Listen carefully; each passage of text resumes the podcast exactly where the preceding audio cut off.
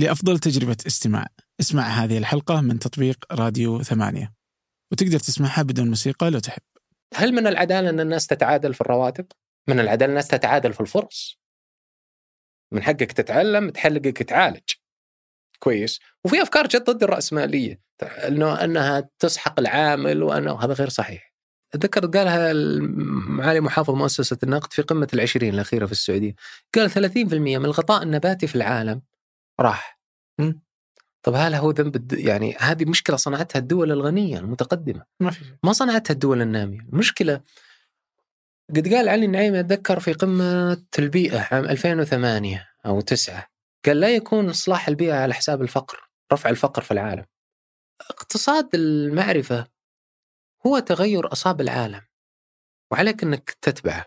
لابد من تطور جدلي في التعليم تطور جدلي في التقنية في البيئة عندك.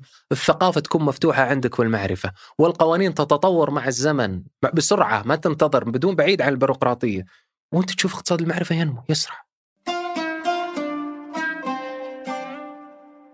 أهلا. هذا فنجان من إذاعة ثمانية وأنا عبد الرحمن أبو مالح. ضيفي في هذه الحلقة مازن السديري آه، رئيس قسم الأبحاث في الراجحي المالية. الحديث في هذه الحلقة عن الاقتصاد. الاقتصاد اليوم آه، عالميا محليا تنوع الاقتصاد آه، آه، وين أمريكا والصين أين سيكون مستقبل القوة. فهذه الحلقة في هذا ال- المجال. قبل أن نبدأ أود منكم مشاركة الحلقة مع من تعتقد أنها تهمه. تقييم البودكاست على أبل بودكاست أو أي من تطبيقات البودكاست يستمع لهذه الحلقة من خلالها. يفيدنا. أقرأ جميع التعليقات آه، على البودكاست. أما الآن لنبدأ. أهلا أبو عبد العزيز. الله يحييك يا عمنا. أبو إيش؟ أبو علي. أبو أبو علي. مالح اللي تبي. أبو سكر. أبو علي. شو ما بدك. لا لا أبو علي. طيب. آه ممكن أشوف الأسئلة تبي تخ- ما أقدر. لا عادي آه، ترى. خلاص لا لا خلاص خلاص. بس شوف أنت أكثر واحد. والله كثير يعني شوف سبع صفحات بس يعني لعل إنه نقدر سم أقول سبع صفحات فلعل طيب إنه. نقدر هو كم ساعة ال- الحوار؟ سبع ساعات لا والله صحيح كم ساعة؟ لا لا ساعة ساعة ونص يعني يعني الحدود هذه ففي NPR فكانت في واحدة من الحلقات قالوا إنه اقتصاد ولاية كاليفورنيا حاليا هو أكبر اقتصادات العالم في 1980 مهم. بعدين البنك الدولي قسم ال- الدخل العالمي إلى ثلاث أقسام. عندنا رأس المال المنتج مثل الطرق والمصانع والمباني رأس المال الطبيعي النفط الذهب غيره ورأس المال البشري اللي هو التعليم والتكنولوجيا والأفكار والابتكارات وهذه. حجم الاقتصاد العالمي من الأشياء المادية 27% آه والأرض 9% بينما التعليم والأفكار والابتكارات 64% مم. فإحنا عندنا 64% من هذا كله يعني ثلث الثروة اللي موجودة في العالم أشياء ما نشوفها. ف 64% تقول ابتكارات قصدك. هي اللي ما نشوفها ال أي. 64 هذه 64% نعم اليوم واضح إن شكل الاقتصاد مختلف تماما عما كان في السابق ال- اليابان يوم كانت في الحرب كانت تبحث عن النفط آه، أمريكا تبحث عن النفط العالم كان وقتها اليوم هذا لا يشكل شكلا كبيرا من الاقتصادات كيف تقرأ اليوم شكل الاقتصاد؟ إحنا بدينا إحنا. إي. بدينا. فكيف تشوفه؟ طيب جميل جدا. هو تغيرت الحياة الصناعية من مطلع القرن إلى الآن. يعني مثلا قبل هعطيك مم. وهذا من ال data في أمريكا تاريخيا متوفرة الدول المتقدمة. ال- في مطلع القرن كانت الزراعة مع الصناعة في الولايات المتحدة تشكل فوق الث- الس- يعني؟ عام 1930 آه، في القرن كانت. إيه في القرن العشرين. كانت الزراعه مع الصناعة. مع التطور التقني صارت الخدمات فوق ال 80% فانحسرت الصناعة والزراعة. تو أرقامك اللي انبنت على هالأساس. لما يقول لك انها الافكار هي الخدمات الحقيقة ارتفعت. وظهرت أشياء في حياة الإنسان تدريجيا ما كانت موجودة. من أكبر سنوات الازدهار في حياة الإنسان كانت الخمسينات والستينات. كويس مع ظهور التلفزيون، الراديو، تطور السيارة، الثلاجة، المكيفات، حياة الناس ازدهرت وصار الطلب على البترول يرتفع، وما كان البترول غالي ترى في الستينات الميلادية، فما كانوا يراعون في تصنيعه في الكميه في كفاءة الاستهلاك. تطورت حياة المدن مع التطور التقني فصارت الخدمات فوق ال 80% لذلك صارت المدن عنصر اقتصاديات. لذلك سمو ولي العهد في حوارها الأخير في الاف اي اي ذكر قال أن المدن تشكل فوق ال 80% من اقتصاديات العالم. لهذا السبب هو أنه الحقيقة قطاع الخدمات ارتفع عالميا. على القطاع الصناعي والقطاع الزراعي. قياسا في الماضي. ال GDP الأمريكي فوق ال 80 الآن في 100 برضو قطاع الخدمات. الإنسان طبعا ميزته في الفترة ميزة التطور اللي صار في الفترة الأخيرة قدرة الإنسان على التعلم والمعرفة، أنا متأكد إنه والدي مثلا في عمري ما كان عنده المعلومات اللي عندي. كويس. بسرعة المعلومات وتوفرها وال data وأتذكر مرة كان آه، يروي لي لما كان صحفي في حرب 73 لما بدأت في مصر. الأخبار تجي متأخرة يوم وهي حرب يعني قريبة بين العرب وإسرائيل. تجي متأخرة الآن أنت لما شيء بسيط يصير أو أبسط الأشياء. الآن أنت انت نفسك عندك معلومات عن دولة زي ايسلندا ولا دولة زي النرويج تفاصيل كأنك زايرها. تطور العقل. وشوف شوف العقل ما تعب. يعني الإنسان مع الزمن اشتكى من السكر اشتكى مع الضغط مع اختلاف البيئات اللي مرت فيه مع اختلاف التغذية اللي مرت فيه. ما كان جدك مثلا وجدي يقدرون يحصلون على الفواكه اللي أنا وياك نحصل عليها مع تغير الغذاء تغيرت الأمراض. في المجتمع. لكن هل في إنسان تعب من كثرة المعلومات؟ لا. ما تعب من العقل البشري. استمر في التطور. لكن هي قدرة الوعي بالتعامل مع مدخلات المعرفة. قدرة الآفاق البشرية في رفعها. نرجع الرجل اللي كان وراء النهضة الأمريكي الرجل اللي كان النهضة الغربية كلها خلفه اللي هو آدم سميث. مؤسس الفكر الرأسمالي. مو مؤسسه هو اللي نظمه. هو اللي عاد كتب. الإنسان بطبيعته يميل للتملك وللثراء. كويس.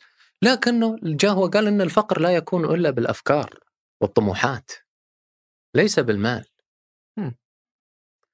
هذه هو كانت من الأفكار اللي هو حطها في ذيك الفترة.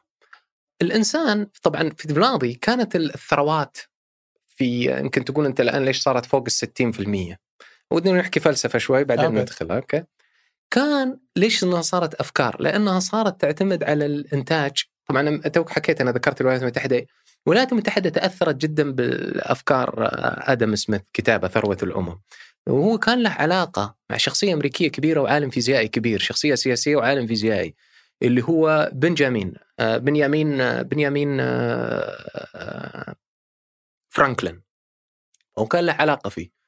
ف أنا الحقيقة ما طلعت على شيء يثبت الترابط لكن تقدر تشوف روح الأفكار الأمريكية والدساتير قريبة من ثروة الأمم تفكيرها. آه، في قبل فترته قبل ظهوره كان في نظام اقتصادي ظهر في فرنسا اسمه المركنتالية.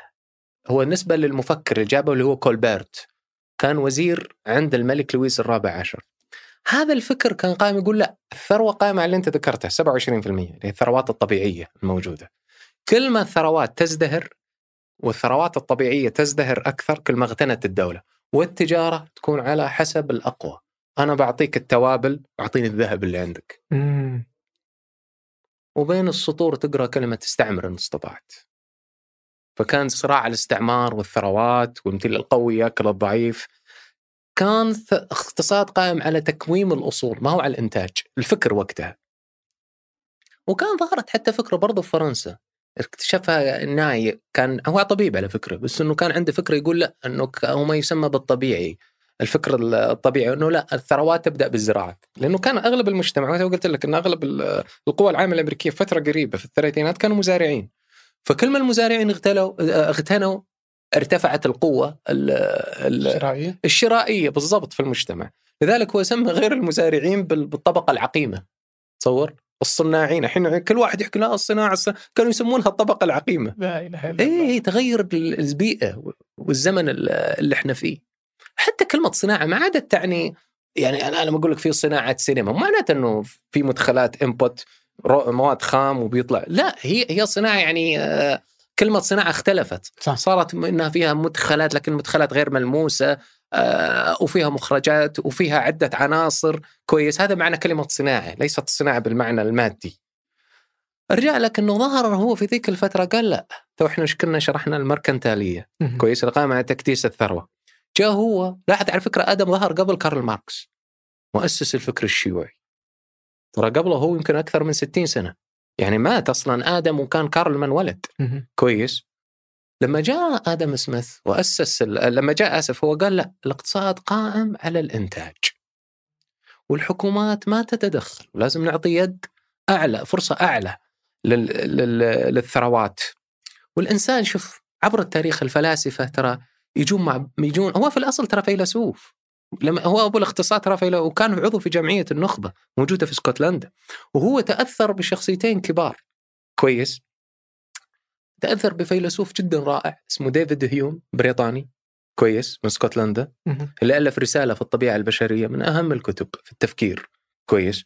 وتأثر بأبو القوانين. الرجل اللي وضع كتاب آه، روح القوانين اللي هو الكونت ماركيز فلما حط هالقوانين هذه الكونت ماركيز كان يتكلم عن العدالة. ما ممكن تسوي اقتصاد من غير عدالة ما في قانون. واحد متضرر عامل يتضرر يشتكي ياخذ حقه. لذلك كان من أهم اصلاحاتنا اللي صارت في المملكة مؤخرا وتلاحظ اصلاحات قضائية كبيرة. ولما تروح أي معيار تجاري لأي دولة يراعون القضاء مدخل القضائي فيه. فلما جاء هو شوف هو جاء في بيئة فيها مفكرين فهو تأثر فيهم هو نتاجهم. كويس.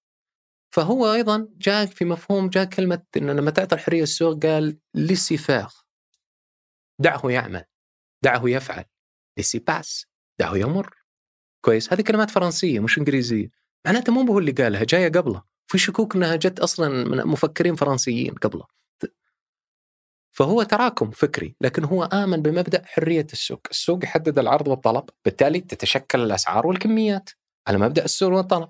إذا في أحد بيحدد المركنتالية ممكن تؤدي الاحتكار. هو قال لا. اللي بيرفع الأسعار يجي غيرك. طمع. تصير ترتفع الأسعار ارتفعت أسعار البترول في السعودية في عام 2008 في العالم في العالم 2008 و7 ظهر الشيل أويل في أمريكا. صار مجدي. خلاص. لما كان تسخن. بترول بالضبط. صار لما كان نفط 8 دولار ما هو مجدي. لكن لما صار 70 وتعدى ال 100 وصار 140 صار مجدي. هذه لوحدها جابت فوق 6 مليون برميل زيادة في العالم. فأسست هالتفكير الجديد. فهو جاء جاء مبدأ ثاني بعد تخصيص العمل. إنه لازم كل واحد إنه لا ما يتركز العمل في شخص واحد. يعني أنت لما ت- أنت بتسوي بتصنع مثلا هو شبه كان وقتها في مصنع الإبرة. مم. وقتها. أنا أعطيك تشبيه ثاني يعني مثلا الجوال اللي عندك. لاحظ مركباته. ال software من شركة. الجهاز نفسه جاي من شركة ومن بلد اللي هي الصين. المدخلات الداخلية جزء منها جاي من كوريا مركبات الشرائح. الشيبس اللي جوا جاي من تايوان. كويس. هذا معناته ان إن كل دولة تتخصص بالموارد اللي عندها سواء البشرية أو الموارد الطبيعية أو الموارد المعرفية اللي عند آه، مواردها البشرية عشان تقدر تنتج الأفضل والأكفأ. ما يحتاج إنك تنتج كل شيء. فهذه كانت أيضا من المفاهيم المتقدمة اللي هو حطها. وأرجع أقول لك إنه هو نتاج فكر كان في زمنه. ما هو بنتاجه هو الحالة. أكيد. كويس. راح بعدين فيما بعد ال- الفكر هذا أنت تو ذكرنا كنا نتكلم حنا عن عنه هو آدم. مش جاب لي السيره لما تكلمت عنه هو هو كيف إنه تطور الاقتصاد أنت كنت تشرح اي كنت. اي التطورات هذه ساعدت نزول الأسعار عالميا، كفاءة الإنتاج عالميا و... وكانت بيئة مبدعة. طبعا في شغلة هنا أبغى أقولها. كثيرين قليلين يتكلمون فيها عن آدم سميث. هو جاب كتاب مهم جدا اللي هو طبيعة الأخلاق اللي هو The Theory of Human Sentiment. هذا الكتاب الفه قبل ثروة الأمم، بس ترى كان كتاب ما لقى ترحيب من آه، خصوصا المؤسسات الدينية في بريطانيا وقتها. إنه هو قال إن الأنانية والجشع صفات ما نقدر نمنعها عن نفسنا هذه طبيعة بشرية والإنسان فيه الأنانية طبعا آه، كان وقتها إنه يعني هذه الأشياء لازم تنبذها هذه من الشيطان. وقال هذه موجودة عليك إنك تحولها بالطريقة الإيجابية. الأنانية تصنع فيك الجدية الطمع يزرع فيك التحفيز. الإنسان طبيعته كذا من حقك إنك تطمح فحول الطمع لطموح. وحول الأنانية لأهداف وآفاق عندك وطموحات عالية عندك.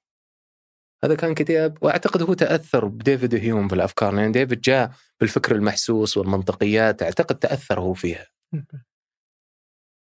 آدم يبدو لي إنه كان رجل ذكي جدا لأنه جاء بأشياء حتى الآن لما تقراها تلقاها واقعية للزمن اللي أنت فيه. كارل ماركس يبدو لي كان أكثر ثقافة لكن أكثر مثالية. يمكن إنه كان يعاني من مشاكل أثرت فيه تفكيره يعني بحكم إنه هو من الأقلية الدينية. هو يهودي واضطر أبوه إنه يصير بروتستانتي لأنه أبوه ما كان قادر يمارس المحاماة. هذه عملت يمكن فيه تحديات. هو كان من فقير. كويس. أعتقد إنه آه، وبرضه هو تأثر ببيئته الفكرية. هو ترى فكرة مفكرين في وقته كانوا عمالقة. يعني كان في هيجل كان هيجل تعاصر بس ما التقوا. أعتقد توفي قبله. كويس. وهو جاء بعد آدم سميث. شوف كيف الإنسان تطور.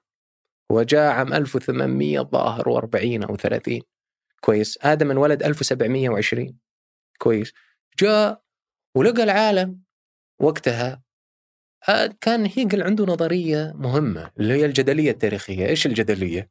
إن عندنا شيء الآن موجود وعندنا شيء مناقض له نطالب إنه يتغير لهذا الشيء. لما نجحنا نتغير ما عجبنا هذا الشيء نروح نغيره وهكذا وهكذا. ونستمر في جدلية تاريخية. سقطت الصين القديمة جت الصين الشيوعية. الصين الشيوعية ما استمرت صارت تطورت صارت بها بين الرأسمالية وبين الشيوعية. طب النظام حقها السياسي يتحول ما هو نظام الح... وهكذا جدلية تاريخية ما تنتهي. لا وصول للنهايات. ماركوس قال لا. الجدلية راح تنتهي بالحرية والحرية هي عبر الحرية هي تأتي عندما الإنسان ينال حقوقه. وتتعادل المفاهيم الخير. وهذه كانت مشكلته مع الديانات إنه مفهوم الخير مختلف بين الديانات. كويس. طبعا هو الرجل في القرن الثامن عشر ما اطلع على حضارات وديانات كثيرة وكم يعني هو مطلع في مكان هو موجود فيه ما كان عنده إنترنت.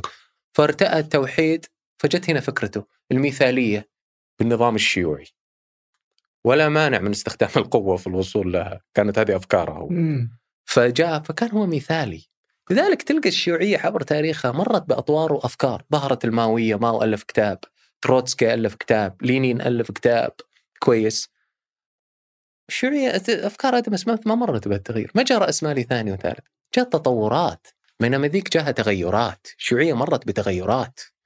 لأنها مثالية غير واقعية. هذا اللي أنا أراه وجهة نظري. هذا السبب أنه آه، آدم تفوق على مارس؟ هذا الواقعي ما هو؟ مو بآدم. آدم آدم كان واقعي. هذا الإنسان هذا أنت. أنت مثال للراسماليه وأنا مثال للرأس نحكي الصراحة إيه. نحكي الصراحة هل من العدالة أن الناس تتعادل في الرواتب؟ من العدالة الناس تتعادل في الفرص. من حقك تتعلم تحلقك تعالج. كويس؟ وفي أفكار جد ضد الراسماليه إنه أنها تسحق العامل وأنه هذا غير صحيح. بالعكس هو كان في كتابات آدم يقول إنه لابد من ضرائب نوعية لكنها تساعد لأن الدولة عليها واجبات اللي هي تحقيق الأمن والتعليم والصحة. هذا واجب على الدولة فهي لابد إنها من حقها إنها تاخذ دخل.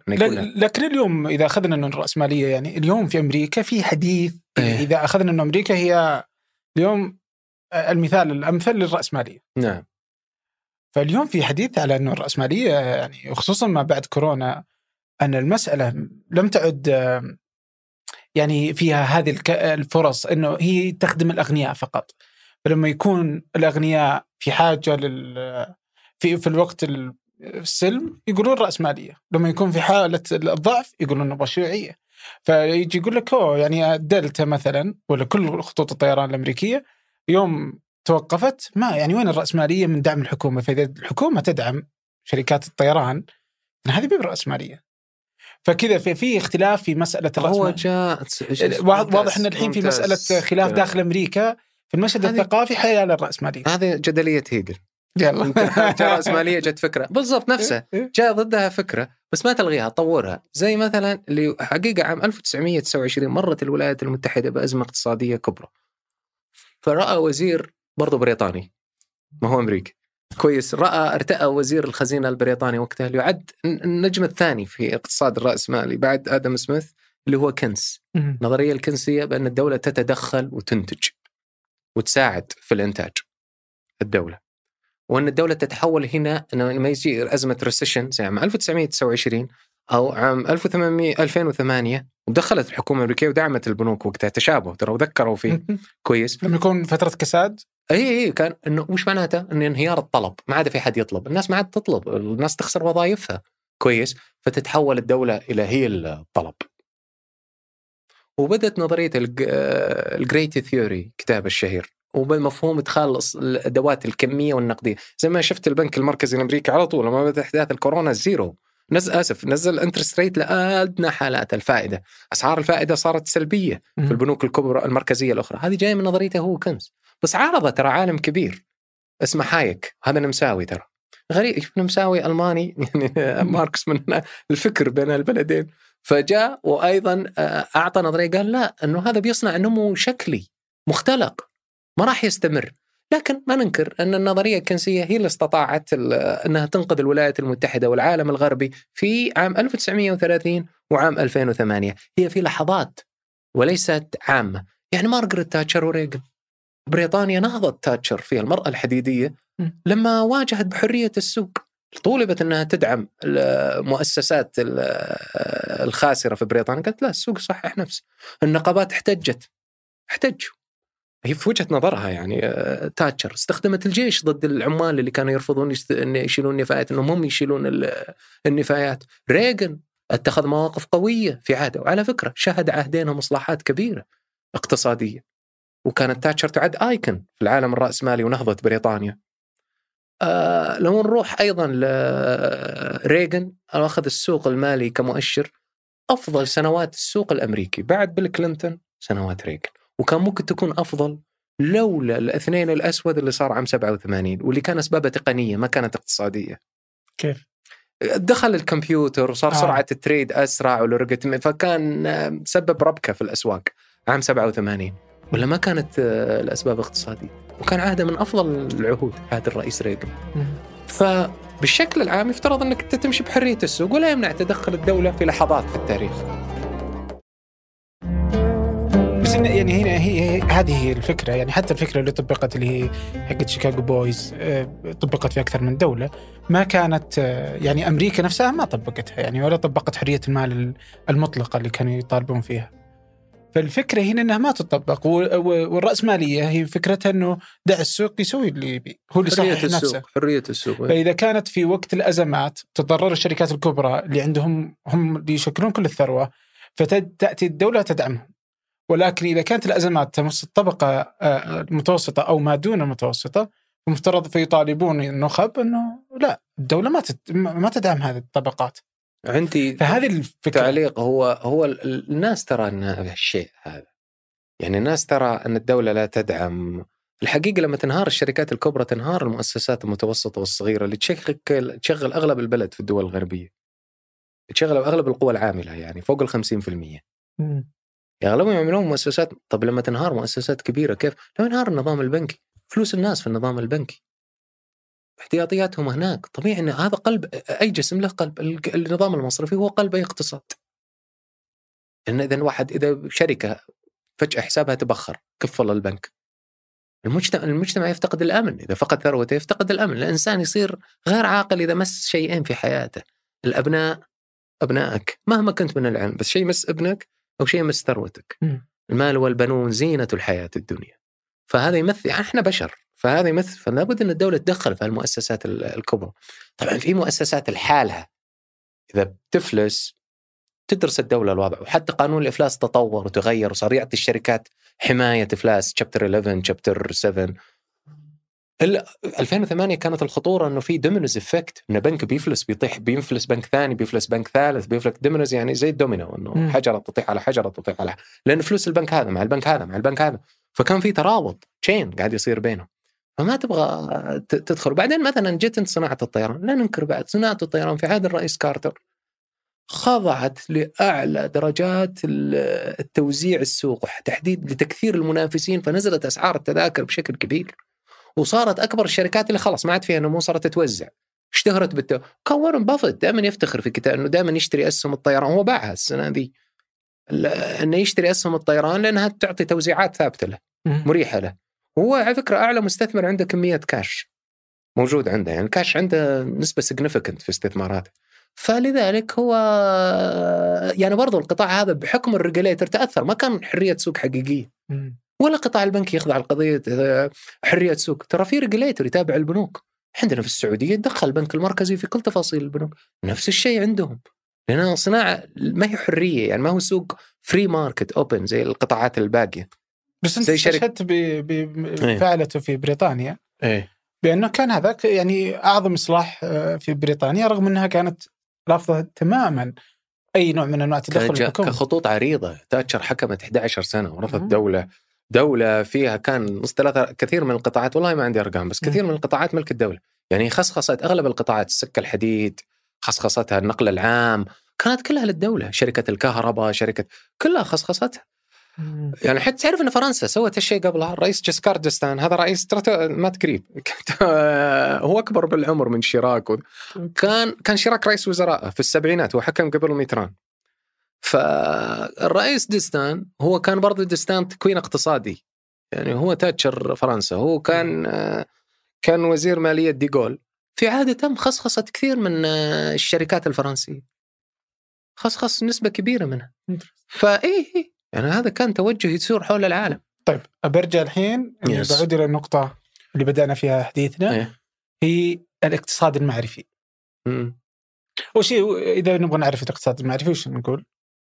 والله أنا أنا أقول لك أنا ما أعتقد ان في تعريف ثابت لكن حسب الآن ما متعارف عليه هو زيادة الإنتاج أوكي سواء ال- الإنتاج عبر الخدمات أو الأشياء الملموسة عبر استخدام المعرفة والمعلومات ما يساعدك في زيادة الإنتاج وتقديمه عبر استخدام العلم والمعلومات. وهذا اليوم هو اللي جالس يرفع من هذا تقدير ترى على فكرة. يعني هذا شيء تفكيرنا يعني ممكن مم. بكرة يجي نظرية أكثر تتطور الكلمة دي. فهمتني؟ بس وش يعتمد عليه الاقتصاد المعرفه؟ إذا أخذنا. عوامل معينة من الاسم طبعا البشر؟ المعرفة آه طبعا أنت طبعا تروح لل index المؤشر. في مؤشر مو مسويه ال United Nation.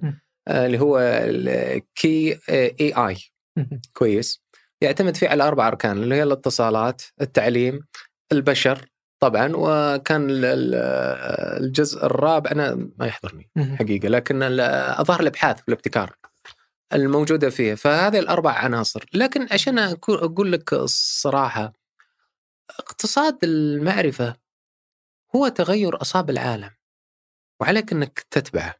يعني إذا أخذنا ان الاقتصاد المعرفي جالس يغير مفهوم يعني السياسة وال يعني كل هذه يعني حتى الاستعمار يعني في نق- في نقاشنا قبل شوي الاستعمار مبني على فكرة الاقتصاد والتغيرات السياسية تأتي تباعا للاقتصاد. فتغير شكل الاقتصاد يغير من شكل السياسة. ويتضح ضعف مثلا الطلب على النفط أو التغيرات هذه في شكل الاقتصادات هو اللي بيغير الشكل السياسي للعالم. نهوض اليوم الصين معاركتها للولايات المتحدة صحيح. رغم إن الاثنين يحتاجون بعض آه هذه كلها لتغير شكل الاقتصادي. ودي أعرف اليوم يعني وين موقفنا من هال آه من هالمفهوم؟ يعني وفقا للمعرفة ما تشوف إن عندك اقتصاد معرفة. أنت في شغلك ما عندك اقتصاد معرفة. اي بس كد- قديش يشكل؟ يعني أوكي. في يعني ب... صح. عندك اقتصاد معرفة. لما نقول إنك تستخدم في إنتاجك العلم والتقنية وإنك تحاول. تتطور و... وممكن زميلك يبتكر شيء ثاني وهكذا. هذا ما هو شيء منفصل. يعني كان اقتصاد المعرفة ما تقول الصناعة النووية لحالها كذا جزء منفصل. هي داخلة في كل شيء.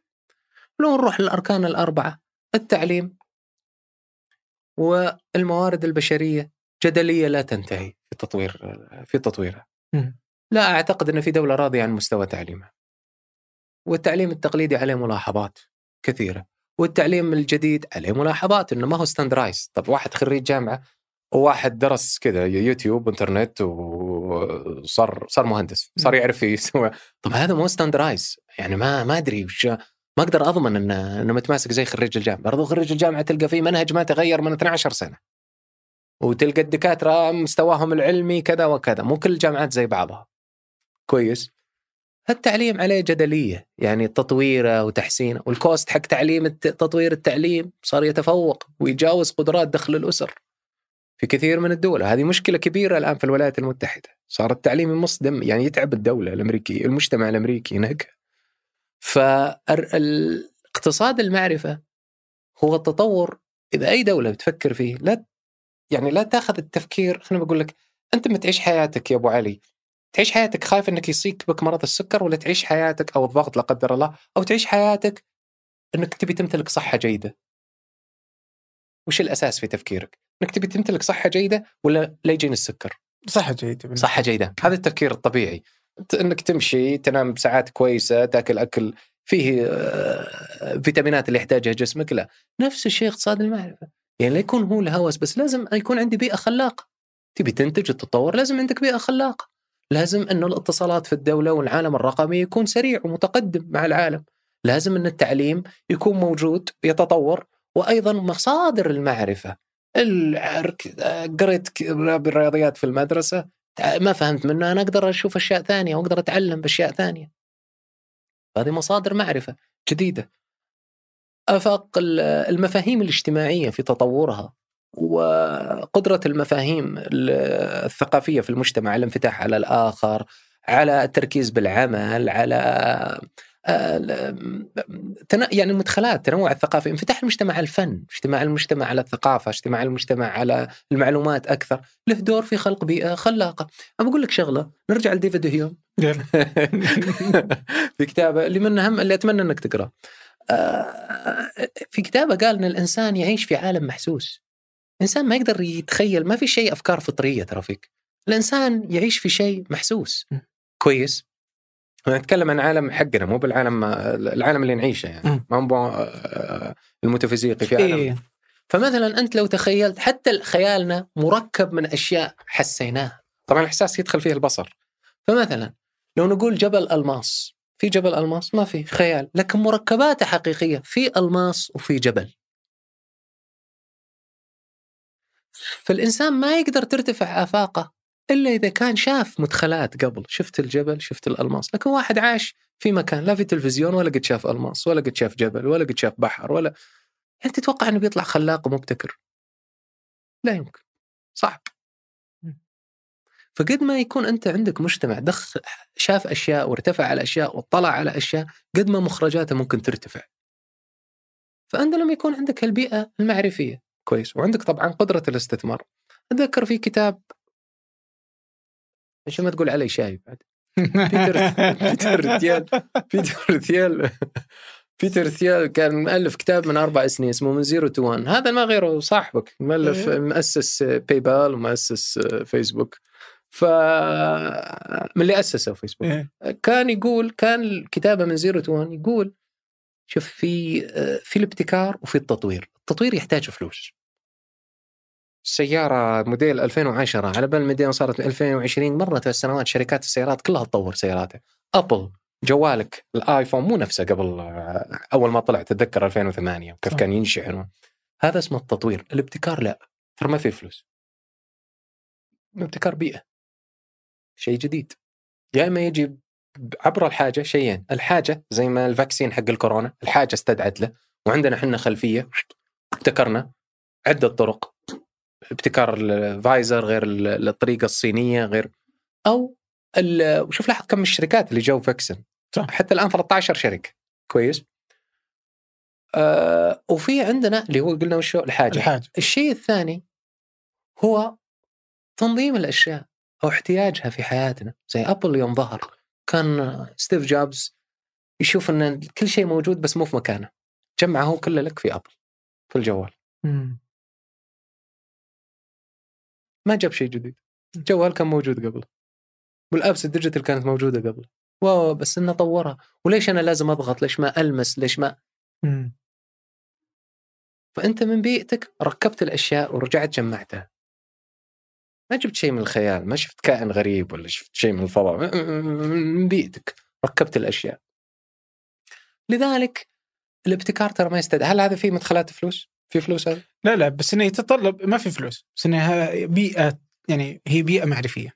أنت قلت كذا. yes yes. كيف كيف تقرأ اليوم البيئة المعرفية في السعودية؟ البيئة المعرفية في السعودية في أركان اللي تولد مثلا ابتكار أو تطوير. يلا والله هي ترى بقول لك. قرب المايك شوي. اي طب. تقدر تسحب أنت كذا؟ إيه. كذا كويس. يلا. ف...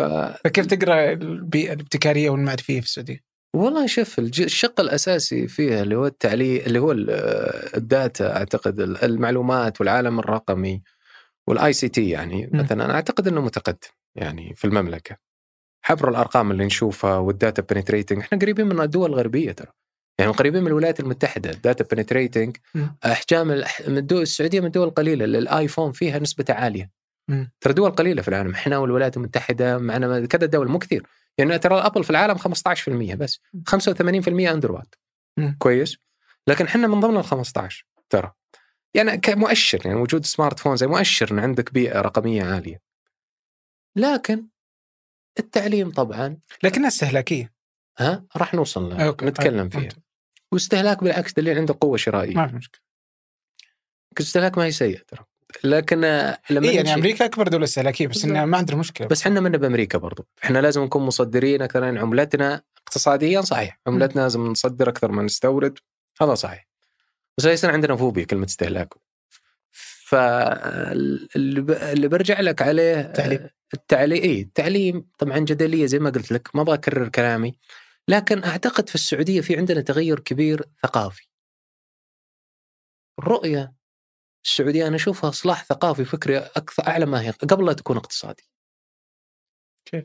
شوف مكتبك زميلاتك والشباب هذا الشيء ما كان ممكن يصير في السعودية قبل عشر سنين. لو طالع اليسار هنا تشوف ما تلقى هالكم الشباب والبنات اللي تشوفها الآن. البيئه الجديدة. كويس. آه، المرأة في سوق العمل السعودي ارتفعت من تحت العشرة في المية أنا أتذكر من 14 سنة الآن تشوف الأرقام 31 في المية. من السوق من, سوق من القوى نساء. العاملة السعودية القوى العاملة السعودية. مم. طب هذه تغيرات ثقافية كبيرة المتعلمات السعوديات مشاركتهم صرنا نشوفهم صرنا نشوف في الأمن قطاع الأمن السعودي في السعوديات. هذا واحد تغير ثقافي كبير وإيجابي. كويس. الشيء الثاني الانفتاح على العالم. ورؤية العالم معرفة العالم أكثر. كويس. صار يجينا أجانب يشتغلون روح العلا روح الدرعية روح ل... راح تلقى أجانب وحضور ويزورون ويشاركون. وفي حفلات تمت الرياض فيها حفلات معهد موسيقى في بريدة. مم. MBC جايب خبر عن معهد موسيقى في بريدة من كم يوم. أنا أتذكر من عشرين سنة نشر عن أتذكر منصور النقيدان كان يتكلم عن حارة ما فيها كهرباء في نفس المنطقة. باعتبار إنها من المبالغات إنه ممكن تزرع الترف و من 20 أكثر من 20 في الثمانينات الميلادية. مم. كويس. شوف التغير الثقافي اللي قاعد يصير ممتاز. كويس. هذا يصير في الطريق السليم الآن في الخارج نسبة الجيل الجي زد الجيل اللي ولد بعد الألفية والجيل اللي تأثر بالأزمة المالية بعد الألفية. حسب دراسة الكريدي سويس أنه عدد أن الدخل الأسر اللي بعد الأزمة المالية الأجيال آسف اللي بتجي بعد الأزمة المالية دخلها راح ينخفض. اللي هذا بعد 2008 مم. وهذا اللي صار. okay. وكل ما تراكمت الأجيال في الغرب دخلها أقل من آبائها. كويس. هذه fact كل يتوقع يعني حتى لما سووا ال survey اتذكر ناس اسم الجهة اللي سوتها آه كل يتوقع أن دخله هيكون أقل من ابائه في ذيك المجتمعات فصارت هذه المجتمعات تبتكر أشياء جديدة مم. تغيرت سلوكها وتبتكر فظهر ال share economy اقتصاد المشاركة. بدل ما أشتري سيارة أنا أخذ اوبر كويس. اي ام بي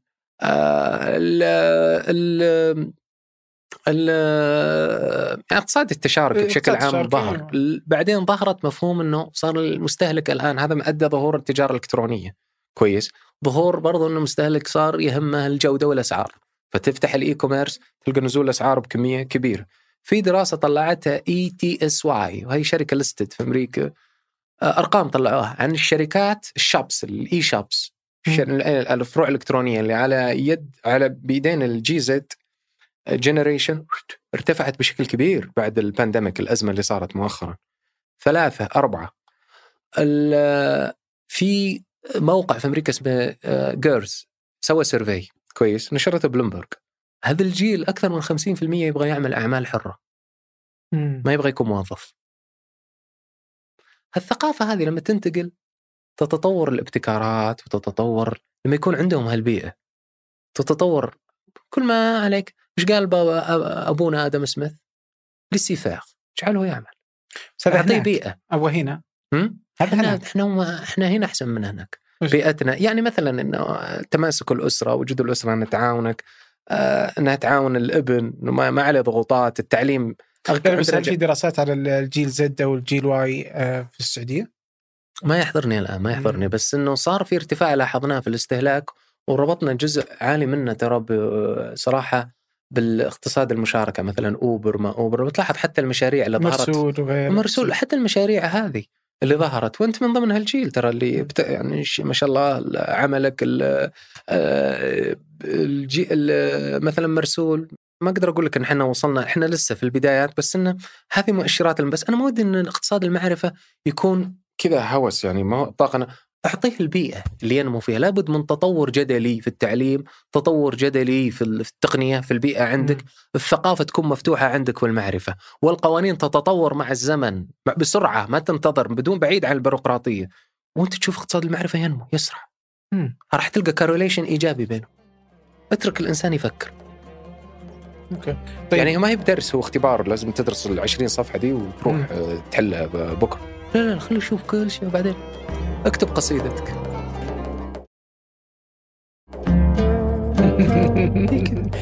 أوكي طيب اليوم إذا أخذنا المسألة هذه أخذنا إنه الحين عندنا الاقتصاد المادي والاقتصاد الأرض والنفط هذه جالس مستغرب شغلة أنا ضربتها اليدي أربع مرات أنت ما ضربتها. لاني أنا عندي مدرب أنا أنت مدرب تمرين 210 حلقات. أيوه. ف...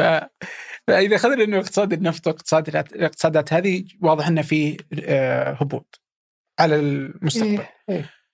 بينما هذا الاقتصاد جالس ينمو إحنا وين من هالهبوط والنمو يعني هل هو هل تقرأ أنه إحنا جالسين نمشي في الطريق الصحيح؟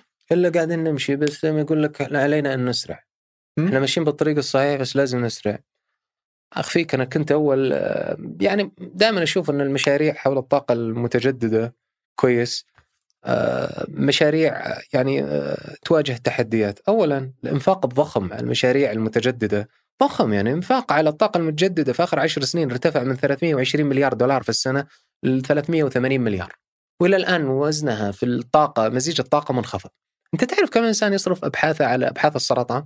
ما يوصل 100 مليار. يعني قد أبحاث السرطان أربع مرات قرابة 3.8 إنفاق عالي قاعد يصير ومع ذلك وزنها منخفض. في البداية كان الكره يعني ضد الطاقة البترول ضد البترول بالتحديد غير النفط الصخري آه، الوقود الحفوري كويس. كان بصراحة أسباب سياسية. من السبعينات بعدين ظهور الحرب الإيرانية العراقية نظام الملالوة في إيران نظام ظهور نظام عراق صدام ليبيا القذافي وكانت عداوة معمر قوية مع الغرب. الغرب قاعد يقول معقول نشتري البترول من دول نعطيهم فلوس كم كانوا يشكلون من كانوا 7.5% منتصفة بس نزل إنتاجهم. يعني ترى إنتاجهم ممكن يوصل فوق ال 12 واحتياطياتهم كانت عالية. يعني إيران والعراق يوصلون الاحتياطيات فوق ال 20% عالميا. احتياطياتهم ضخمة. ترى هم بعد السعودية في الاحتياطي النفطي.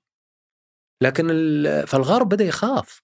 بالتحديد الولايات المتحدة وظهرت عاد وكالة الطاقة ظهر عاد الاحتياطي الاستراتيجي. بس ده كانت إرادة سياسية يعني ما كان المشكلة الآن صار المجتمع الشباب يبغون هالشيء. جيل الجي زد ذا مؤمن بالطاقة المتجددة ومسألة عنده يعني معليش ماخذها بإيمان. مسألة كأنها يعني استغفر الله كأنها دين تخلص من الوقود الحفوري. المشكلة صارت ثقافة الحين فهذه ممكن ترفع نسبة النزول. أنا لأجل الب... برضو لأنها مسائل بيئية واتفاقية باريس يعني كل هذه والله أنا عندي شكوك يعني عندي تساؤلات يعني بقول لك عليها يعني. اولا البترول ارتباطه صار ما هو مرتبط اولا أكبر ملوث هو الفحم واللي يدخل في الكهرباء. وزن البترول الفحم أصلا الكهرباء منخفض عالميا ما يوصل 1% كويس. ثانيا البترول آه الاغلب ال ال ال في شيء ثاني أيضا أنت تأخذ الانبعاثات الغازات الدفيئة. اللي هي ال CO2 والغاز ثاني أكسيد الكربون واحد من أربعة بس ال CO2 يشكل 65% منها. معها حط عندك الأمونيا غاز الأمونيا H3 حط معها بعد ما يحضرني. آه، فمثلا تلقى مثلا مثل الحيوانات يعني مثل الأبقار إنها متهمة بالتلوث البيئي، طب البقرة جزء من طبيعة الإنسان من الحياة آسف. البقرة ما هي زي السيارة ابتكرناها من 20 سنة. بس ما كانت زي كذا برضه هي في تعرف عاد يعني واضح إنه إحنا زدنا أعدادها ما زادت. واضح تصدق عاد ما زادت. ما تصور. مع الثراء والله أرجع الارقام ما زادت. أنا شك اي تشك اي تشك وعلى فكرة الثراء اللي أصاب الشعوب في العشر 40 سنة الأخيرة في ال 40 سنة الأخيرة كان في الشعوب اللي ما تاكل لحم أحمر تاكل لحم أبيض اللي هي الصين واللي هي الصين وشرق آسيا يعني كوريا واليابان ما يأكلون لحم أحمر بنسبة كبيرة. ولاحظ أعداد الأبقار. واستهلاك وفي نفس الوقت بس بقول لك شغلة ارتفع الكوليسترول والتخوف من الدهون في الغرب. لو تذكر السبعينات الثمانينات التسعينات ترى كان الحديث كثير عن الكوليسترول. فقلص اللي صار زيادة السمك في الأكل يقلص اللحم اله- الهمبرجر الكبير نزل المدري. فصار في ماكدونالدز تعرض الحملات في التسعينات في عهد الرئيس كلينتون وصار لازم يقدم وجبات للأولاد صحية. إلى نزل استهلاكه مو صحيح. استهلاك اللحوم. الشعوب اللي تاكل لحم أحمر الأمريكان طبعا الولايات الأمريكتين بس مم. الامريكتين ما شهدت يعني الأرجنتين ما شهدت تحسن شهدوا أزمات اقتصادية يعني استهلاكهم تأثر فلو ترجع أرقام ما ارتفعت يعني أنا ما عندي. أرقام. لكن أقول لك شيء ثاني. لكن منطقيا؟ إن الأرقام ارتفعت يعني أنا ما عندي يعني, يعني ما عندي شلون ارتفعت أنا الحين؟ أقول لك. إذا إذا كان الاستهلاك زاد. استهلاك اللحوم بهذه الضخامة وصارت فيه مصانع لإنتاج اللحوم الحمراء وغيرها. فغير منطقي إن يكون نفس الأعداد. واضح إنها زادت أعداد وزاد لأن زاد كمية الاستهلاك تسكر يا شيخ محلات شركات الألبان في أمريكا وقاعدين يتحولون للحليب الحليب النباتي وإلى آخره. وبعدين بقول لك شغلة ال- على طاري بس. غير ال- الحيوانات و... لا في معلومة. فقصدي الدافع. دافع بيئي. هنا أنا بقول لك تعرف عدد ذكر قالها معالي محافظ مؤسسة النقد في قمة العشرين الأخيرة في السعودية قال 30% من الغطاء النباتي في العالم راح م. طب هل هو ذنب. يعني هذه مشكلة صنعتها الدول الغنية المتقدمة ما في. ما صنعتها الدول النامية المشكلة قد قال علي النعيمي أتذكر في قمة البيئة عام 2008 أو 9 قال لا يكون إصلاح البيئة على حساب الفقر رفع الفقر في العالم المشكلة أنه ارتبط ارتفاع الانبعاث الكربوني مع ارتفاع ثروات الدول النامية الهند والصين ارتفع بنسبة عالية. ومشكلة الصين أكثر من 60% من استهلاك الفحم عندهم من إنتاج الكهرباء مبني على الفحم م. عندهم. وعندهم ترى أبحاث كبيرة في الطاقة المتجددة. يعني 30% من أبحاث على حسب معهد أكسفورد إنه 30% من أبحاث ال ال ال- الطاقة الشمسية في العالم. م. الانفاق على الطاقة الشمسية هو في الصين لحالها. مع ذلك في تأخر في هالجانب. طبعا السيارة الكهربائية حتى الآن كان الرقم متوقع حسب أفرج التوقعات عدد السيارات في العالم 1.1 مليار. كان متوقع إنها توصل 1.4 هذا قبل أزمة البانديميك.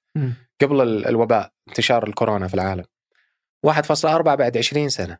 وكان متوقع السيارة الكهربائية إنها ترتفع من أقل من 1% إنها توصل كمتوسط 15% م. هذا إحصائية سوتها بلومبرج 2019 بعد ال pandemic في مشكلة الآن صايرة إن احتمال نمو السيارات يكون بسيط أقل لأنه خروجك لل- بالسيارة احتياجك لها بيقل. م. ممكن الناس يدرسون من بعد. تقدر. اي اي يعني ما يحتاج تحضر كل محاضراتك. طبعا الان ممكن الأولاد يرجعون المدارس بس مثلا في بعض الأقاليم مناطق لك ما يحتاج يروح مدرسة. آه، ال- ال- الطالب ممكن يداوم من بيته في فترة معينة. آه، في الجامعة لك محاضرات مرئية ولك محا... مثلا يعني. صار في ضغط والظاهر إنه فيسبوك بعد أعطت العمل عن بعد مدى الحياة يعني للموظفين انه يعني خيار تلقى تغيرات يعني في- في العمل. اي اي بيئة حط عندك هذه كم هذه تشكل. آه، آه، المواصلات من استهلاك البترول حدود 56% كويس حط عندك من الجهة الثانية ال- الطيران يشكل 4% آه، الشركات كثير بتلغي آه، رحلات العمل. خلاص مع ال digital وال virtual conferences ليش تسافر ولا meeting أنا اليوم مسوي اجتماع مع آه، شخص في الكويت بالاونلاين لو ما كان في pandemic كان سافر لي كان جاي الرياض. ف والمشكلة إنه المسافر اللي تدفع عنه شركته هو اللي تربح منه شركات الطيران لأنه هو business class ترى شركات الطيران تربح أكثر على ال business class من على ال economy.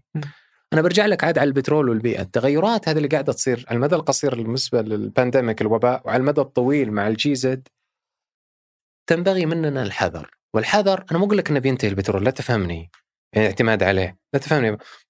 ترى الآن استهلاك العالم 92 مليون برميل أعلى من عام 2012 شوف وإحنا لسه ما رجعنا ترى أعلى من 2012 وفي آخر 10 سنين ارتفع ولسه في طفرات معدل اللي يمتلكون سيارة في الصين أقل من الولايات المتحدة أربع مرات. ولسه في دول مقبلة على طفرات مثل كمبوديا مثل فيتنام حتى كان تقرير أوبك متفائل إن النمو القادم بيجي من هذه الدول. فلا يزال أمامنا أقول لك حسب تقرير أوبك عشر سنوات للأمام مثلا وأنا أشوفها واقعي. لكن أقول بس لك إنه عليك كثير. تكون سريعا وأن نكون م- مدركين. أنا أعتقد حتى كثيرين قالوا ليش إن الرئيس بايدن إنه كان قوي ضد ال- البيئة أو الأنشطة البيئية. حتى ترامب في المناظرة قام يلمح إنه هذا قاعد يستخدم ال... إن كثير من ولايات النفط الصخري تراها swing ما هي Republican ولا هي بديمقراط السبب بسيط إن الجي زد صاروا 51% من المصوتين ارتفع وزنهم. هو يبيهم. ويمكن في داخله هو رجل كبير سن مدرك أهمية البترول لكنه هو يبغى صوت الناخبين. يبغى صوت الناخبين. فما ندري وش في تغيرات كبيرة حتى الخوف إن نهاية النفط الصخري آسف نهاية عالم النفط الوقود الاحفوري تكون نهاية الولايات المتحدة معه. يس كيف؟ ممكن تكون نهايتها معه.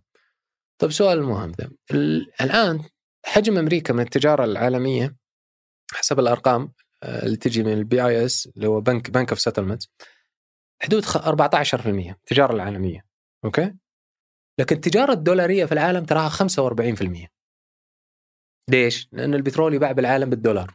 السلع الأساسية تباع بالدولار. كويس. يعني السعودية تبيع على اليابان. السعودية ترى ما في أمريكا. السعودية واليابان. تبيع عليه السعودية. على اليابان البترول ناخذها بالدولار. ما ناخذها بالريال. كويس. ما ناخذه بالين الياباني. ناخذه بالريال. كويس. فهذا الكم الكبير من التجارة الدولارية كويس هو اللي أعطى قوة للولايات المتحدة. ما هي عند دولة ثانية. كم شكل النسبة؟ وش اللي شكل؟ التجارة الدولارية؟ 45% خمس من اقتصاد من العالم؟ من تجارة العالم. تجارة العالم. تجارة العالم حدود 19 تريليون يشيل 45% منها وحده دولار. دولار. يشيل 45% منها. والباقي متوزع ما بين كل العملات الباقي متوزع على عدد آه. من العملات أوكي فطبعا العملات الأربعة الكبار يأخذون الوزن الأكبر. طبعا number 1 الدولار بعد اليورو بعد ال ال الين وال pound. ما أدري من أكثر من الثاني. الثالث والرابع الين وال pound الين الياباني وال pound البريطاني واليوان ما هو في لا لا مرتبط بالدولار. اليوان الصيني دائما هم في تذبذب. أنا يعني تشوف آخر عشر سنين تذبذب اليوان للدولار 5% لأنهم مدخلاتهم الصناعية كلها مسعره بالدولار. يشترون بترول هم يشترون غاز يشترون حديد يشترون معادن. هم أكبر مستهلك للألمنيوم والحديد في صناعتهم. شلون الصين تصنع سيارات وتصنع؟ تشتريها كلها بالدولار. فهي مضطر نفس الشيء تايوان نفس الشيء كوريا. ترى تذبذب عملتهم كلها بالدولار 5% 4% وما يقدرون يخلونه زينا بيتش 100% يخلون تذبذب اللي يسمونه pivotal 4% لأنهم تعرف أنت لما تنتج بترول يومي flow cash. لكن هم لما تدري هم يعني تعرف تطلب سيارات تروح توقف فترة up and down فيقول لك حتى تذبذب يساعد اقتصادنا وشركاتنا يساعد البنك المركزي حقهم. آه. يعني هذا ظرفهم. وضعنا أريح ترى. ف فنرجع إلى إنه التجارة الدولاريه إيه لو ينحسر الدولار أمريكا وش اللي أنقذها 2008 يا أبو علي؟ لما جات دخلوا خطة الإنقاذ. و print يلا اطبع العمله ارتفعت ال ال ال خطة التحفيز الكمي. ارتفعت أصول البنك المركزي الأمريكي من 750 مليار ل 4 تريليون. نسيت يوم ترامب يمزح يوم يوقع يقول أول مرة وقع في حياتي تريليون. موزع اقلام على الوزراء. موزع الاقلام قال من يسويها هذه غير دولة دولة تطبع عمله ولها ثقة. يعني كأنك تط... يعني هالورق ذا اللي شريته اشترى ذهب؟ إيه. أوكي. وكم طبعوا تريليون؟ في خلال الأزمة الأخيرة ذي ارتفعت أصول البنك المركزي من ثلاثة إلى من أربعة إلى 7.9 يا. فاصلة ستة تسعة ما بس أطبع. إيه. إيه. طب هالمرونة ذي ممكن تصير لو لو لو الدولار ما يشكلها التجارة العالمية؟ وكل دول العالم تشتري مخزونها النقدي بالدولار وتحاول تحفظ تضبط سعر صرفها بالدولار. لا طبعا هذا بيدي الانكماش الثقة بالدولار الأمريكي وبيع للسندات الأمريكية تدريجي مع ارتفاع الديون في أمريكا. مع العلم أنك أنت برضه ما أنت في مجتمع خام أنت مجتمع يقظ. ترى أوروبا آه، الميزان التجاري حقها موجب. تصدر أكثر ما تستورد أمريكا لا. تستورد أكثر ما تصدر. الصين. مع الدول الغنية ذكية الصين. دول أنت تشوف الميزان التجاري بالسالب بس على فكرة ترى هو مع الدول اللي عملتها صعبة ترى موجب ما هو سالب. مم. هي تصدر لأمريكا أكثر ما تستورد يعني لصالحها الميزان بحدود 380 مليار. مع أوروبا لصالحها بحدود 200 مليار. نعم. مع دول فقيرة عد بس في عندها السلك رود وتعطيهم قروض تعطيهم سلع وتاخذ عليها قروض بالدولار وهكذا. ويرتفع مخزونها ما ينزل. كويس. ف فكيف كيف ربط هذه المسألة بان الوقود الاحفوري بانتهائه هو انتهاء الاقتصاد الأمريكي؟ وانه يشكل نسبة كبيرة. يعني الدولار الواحده من الثمانية تريليون دولار في التجارة العالمية هو الواحده تريليون تصور؟ هو الواحدة تريليون دولار البترول. أجل وندخل معاه الفحم وندخل معاه الغاز الطبيعي والمعادن اللي راح تعاني حروب بسبة الانبعاث الكربوني راح ينحسر بنسبة كبيرة. والتجارة راح ترتفع ووزن دولار يعني ما راح يصير 19 تريليون قل بعد 20 سنة بتكون التجارة العالمية خلينا نقول مثلا نعطيها 5% كل سنة خلينا نقول تصير 30 تريليون. الدولار نزل من 45% ل 10% خطير هذا ممكن يؤدي إلى إلى إلى ضعف اقتصادي وعدم الثقة بالدولار، الديون العالية، التقدم اللي قاعد يصير في الصين من ناحية أبحاث ليش نقصته معلش؟ ليش إيه. نقصته من 45 إلى 5؟ لا إنه إذا راحت المليارات التريليونات اللي كانت على البترول؟ حقت الوقود الاحفوري إي بس لأنها انكمشت وارتفع التجارة العالمية. يعني الوزن العالمي قاعد يرتفع وينخفض الاعتماد على مثلا. هو ينخفض البترول عندهم بس هم برضو لا, يش... لا يزالون في مسألة الابتكار. هم الاعلى أمريكا بين كل الدول. ما أدري. حتى الآن في تصورات انه الذكاء الاصطناعي صحيح بس الذكاء الاصطناعي قصدي إنه الانكماش انتبه هنا كذا إذا جيت في الذكاء مكان ثاني عندهم. لا لا مو شرط. مو شرط. وفي عندهم ارتفاع بس عندهم منافسين أسرع منهم. يعني الإنفاق للناتج المحلي بالنسبة للناتج المحلي في إسرائيل وكوريا الجنوبية أعلى من أمريكا. الصين المنافس اللي أمريكا تراقبه بحذر. واتخذت قرارات صارمة تجارية ضده. كويس. وأغلقت شركات تقنية تيك, تيك توك هواوي الإلكتريكال شيب وصلت الأمور. صارت تقول إن الشرائح الإلكترونية لا تصدرونها للصين. الشرائح الإلكترونية في الزمن هذا زي البترول في السبعينات. ما تقدر إنك تنتج أي شيء ذكي بدون شرائح إلكترونية لدرجة إن شركة تايوان semiconductor كويس فتحت مصانعها الكبيرة كلها في أمريكا تطمين المجتمع الغربي يعني بأنها حليف غربي.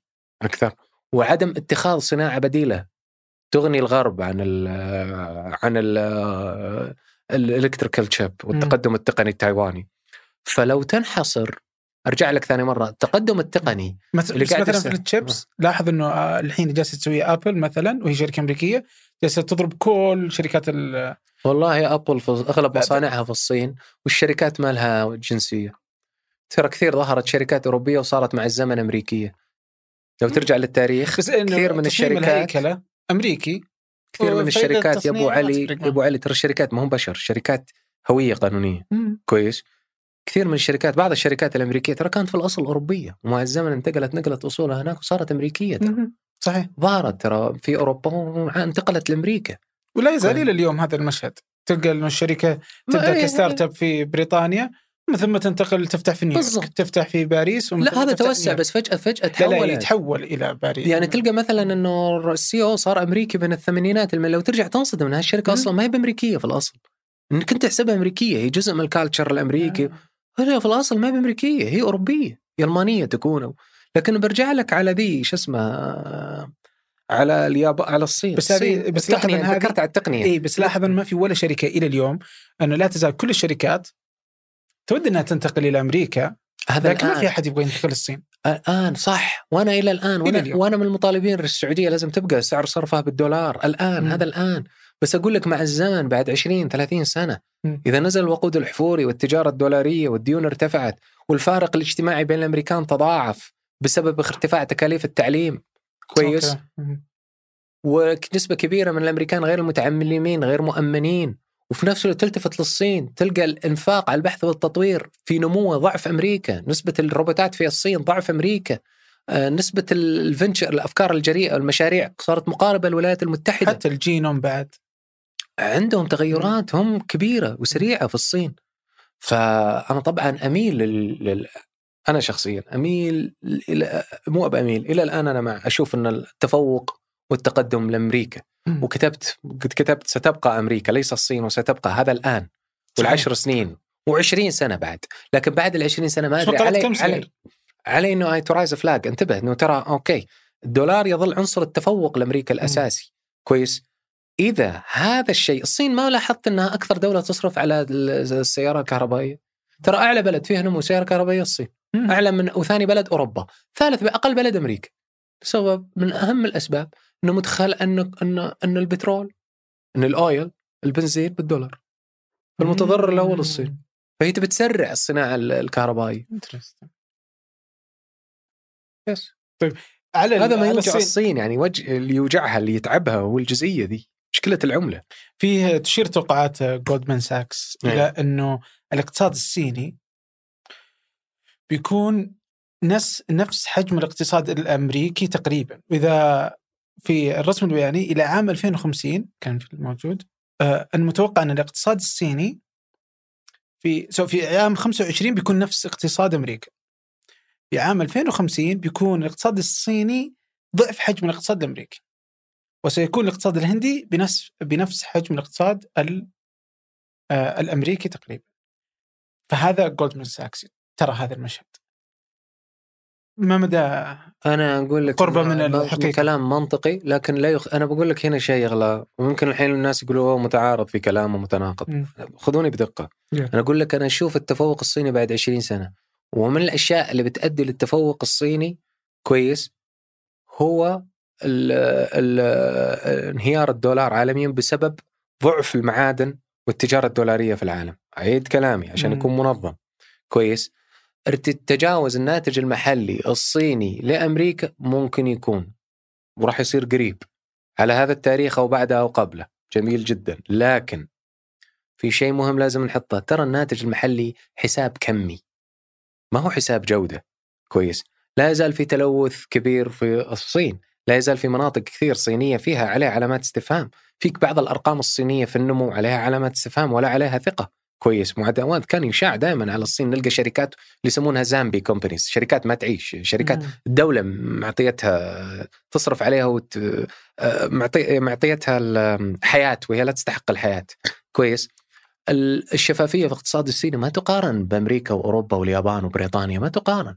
إلى الآن في تفوق جودة عالي. الجي دي بي حساب كمي ظهر مطلع القرن. عشان الدول تعرف تقيس عليه الضرائب وكان قبله في حساب اللي يسمونه الولف وعلى فكرة هذا الحساب مع العالم مع ارتفاع القطاع الخدماتي قلت دقته. شلون نقدر نحسب الخدمات؟ الناتج كان مصمم على حساب ال goods الأشياء الملموسة. مم. كم بعت من كاس كم بعت من قلم كم بعت الآن مع تطور الخدمات قلت دقته. فهو حساب كمي. ظهر في السبعينات مؤشر يقول لك لا اللي هو human develop indicator كويس اللي يقيس ارتفاع الدخل مع العمر مم. ارتفاع الأعمار مع ارتفاع مستوى التعليمي. كمؤشر جديد للجودة. يعني اوروبا ترى ما صار فيها نمو اقتصادي. عالي جي دي بي عالي فخرة. يعني أوروبا متأخرة. أوروبا فيها أكبر الجامعات وفيها أكثر المجتمعات تقدم. وفيها أكثر من أفضل البيئات للابتكار. ومجتمع جدا يعني نسبة الفقر فيه منخفضة وإلى آخره. نجي الولايات المتحدة. ممكن تقدم عليها الصين لكن لو نروح أيضا لا يزال في داخل الولايات المتحدة الاستقرار في المؤسسات، النقطة الأولى لما قالها آدم سميث العدالة والقانون. كويس، ما يقارن القوانين في الولايات، الصين طيب يعني الانتقال السياسي، التطور السياسي ترى عليه علامات استفهام. التغيرات السياسية اللي راح تصيب الصين. عليه برضو يعني الطريق ما هو أخضر للصين. وكثير من الم... فبرضو في خص في منافس قطب في العالم موجود كبير. كويس. بس ترى برضو عليه تحديات وعليه لكن هذا مو معناته إنه has leading يعني كل واحد إحنا ماشيين في الطريق الصح أجمع لكن علينا أن نسرع. الأمريكا لا تزال متقدمة وتفوق ال GDP ناتج المحل الصيني لا يعني تفوق على أمريكا لا عسكريا آه. ولا علميا ولا ولا قدرتها على ولا الجودة فيها. كويس؟ ولا يلغي الريادة الأمريكية ولا يجعل الين اليوان اليوان الصيني عملة العالم. كل هالأشياء. لن يكون. حتى الآن حتى ولن يكون ما أدري عاد. لكن ما هو في العشر سنين الجاية. كويس. لكن لو انهار وانخفضت الحجم الدولاري مع حجم الديون مع المشاكل الاجتماعية في أمريكا ما جاء رئيس يعالجها أمريكا بعد لو نلاحظ عندنا مشاكل. يعني ما لفت نظرك 2016 الرئيس ترامب هزم أخو بوش في الحزب وهزم هيلاري كلينتون في انتخابات الرئاسة. يعني أمريكا ما فيها أحد يرشح نفسه غير عائلة بوش وكلينتون. في مشكلة في المؤسسات السياسيه رئيس يفوز عمره 78 سنة. هذا أكبر متوسط من عمر الأمريكي ب 40 سنة. وهو أعلى رئيس يدخل البيت الأبيض. كعمر. ما لفت نظرك ويرفع علامات استفهام على المؤسسات السياسية؟ ليش أمريكا ما هي قادرة تكرر ذاك الشاب بيل كلينتون الشاب اللي ما جاء من أسرة غنية؟ واللي دخل أفضل الجامعات بكفاءة وذكاء بكفاءته وذكاء مع أنه صورته بلاي بوي مسكين. وأن أمريكا حددت في عهده تقدم جدا أولا خفض الإنفاق على أبحاث الفضاء اللي كان فيها مبالغة. صار في إنفاق على الايدز اللي كانوا يشوفونه بوش وريغن إنه والله هذا مرض لعنه هذا مرض يصيب الشواذ وإنه لعنة دينية. هو يصيب أطفال ويصيب آه ناس عاديين. كويس؟ فتم إنفاق كبير على علاجه، السمنة، اختلاف الرواتب بين الذكر والأنثى، كل هذه تحسنات جودة في الاقتصاد الأمريكي. ما يعرف ليش أمريكا ما هي قادرة تكرر واحد زيه. جاء بوش الابن كويس بفارق هامشي مع الجور كويس ولأن عدة يعني فترته كانت من أسوأ الفترات. كويس وتغيرت المنطقة للأسوأ بعد غزو العراق وإلى آخره ونتجت عنها ما أنت تعرف إيش صار في العراق من توترات وظهور وعاش العراق عدم استقرار انعكست حتى في آه، على سوريا ولبنان وقتها. فاللي أعتقد وعلى الأردن النمو الاقتصادي في الأردن حتى فأعتقد إنه وقتها وكانت من أسباب نمو النفوذ الإيراني. وجاء بوش بعد بوش جاء عاد رجل جديد لكنه لم يكن بعبقريه آه، كلينتون. يعني أمريكا قدرتها على افراز رؤساء متجددين لذلك العالم معجب بترامب أعتقد إنه كسر هالتكرار لكنه بعض الرأى من جهة ثانية كويس إنه يقول هذا كان لابد انه يأتي صار لازم انه يخرج. يعني كان لابد انه يكسر تكرار بوش كلينتون بوش كلينتون. فهذه من الأشياء اللي لاحظها المؤسسة السياسية الأمريكية قدرتها على طرح رؤساء على أسماء متكررة رئيس كبير بالسن عليها علامات استفهام. من جهة ثانية الصين طيب الرئيس هذا مدى الحياة ومن بعده؟ طيب كيفية آلية الانتقال؟ مم. طيب كيف تشوف مسألة إذا أخذنا يعني قلت لك إحنا لابد أن نسرع أمريكا إنه ممكن إنه مع تطورها حول البيئة إن هذا ممكن يفاير باك عليها إنها تتقدم الآلات والمؤسسة السياسية بين إذا ما عادت لقوتها هذا لا لن يساعد الريادة الأمريكية. الصين ماشية بسرعة لكن هذا لا يعني إنها مستقرة ممكن يعني, يعني في مخاطر. الصين يعني ما يعني أنا ما أدري وين المستقبل بيحدد مكانها لكن يعني اليوم لو تأخذ أي أحد في العالم مثلا وين يبغى يروح تلقاه بيختار أمريكا على الصين. ما قد شفت أحد يقول أنا أبغى أروح الصين. طبعا طبعا. ما ما أبغى أعيش ما في ما في شركة تنتقل إلى الصين ما فيه 100% متفقين على هذه الفكرة كيف إنه العالم كله لا يرى الصين مكانا جاذبا بينما يرى أمريكا مكانا جاذبا أحس إنه بيخلي المعادلة من الصعب جدا تفوق الصين لوحدها.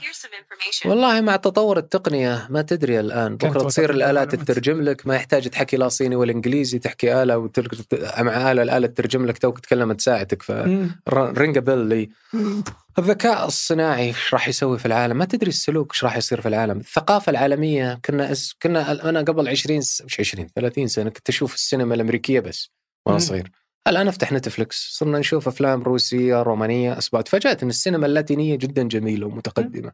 كويس. بس انك تلقى كلها مملوكة أمريكا بس يعني يعني, يعني بما إنه نتفلكس يا. ودي على نتفلكس أفتح موضوع. لأن هذا وبدخله للسعودية. اليوم نتفلكس أوكي؟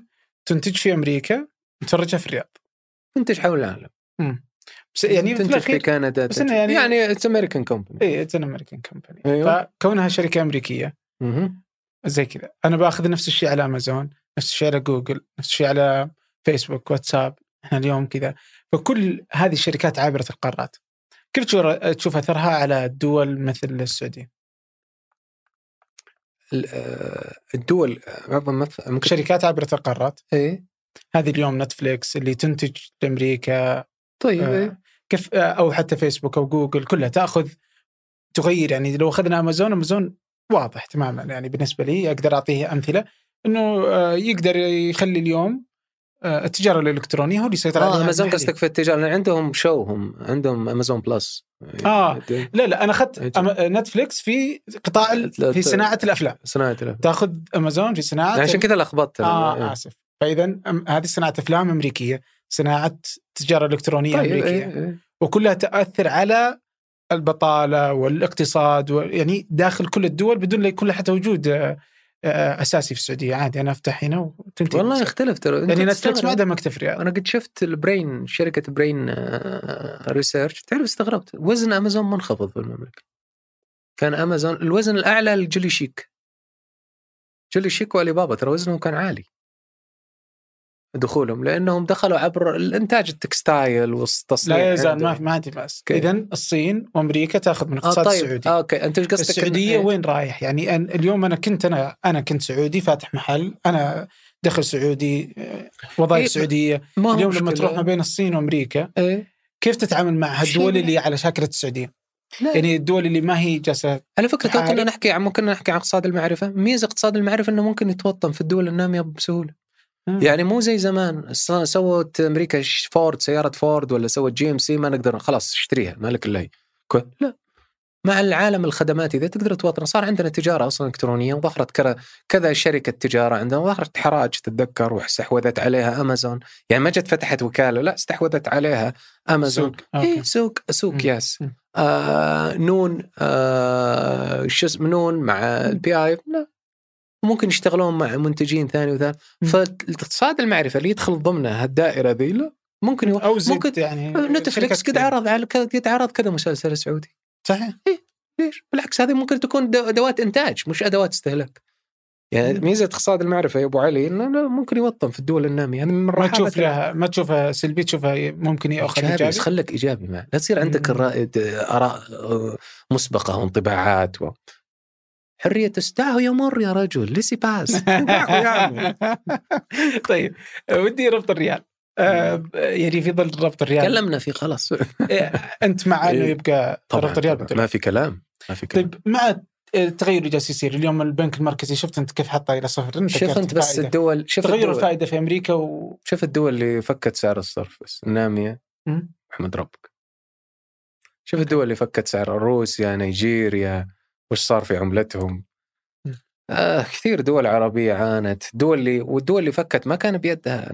نتمنى الخير لإخواننا في. لبنان. يعني وضع العملة أنا حتى قبل لا أجيك شفت أنه الليرة دولار عمل حدود 12 ألف ليرة. أنا أتذكر أخ... آه، قبل سنتين كان الدولار 1500 ليرة.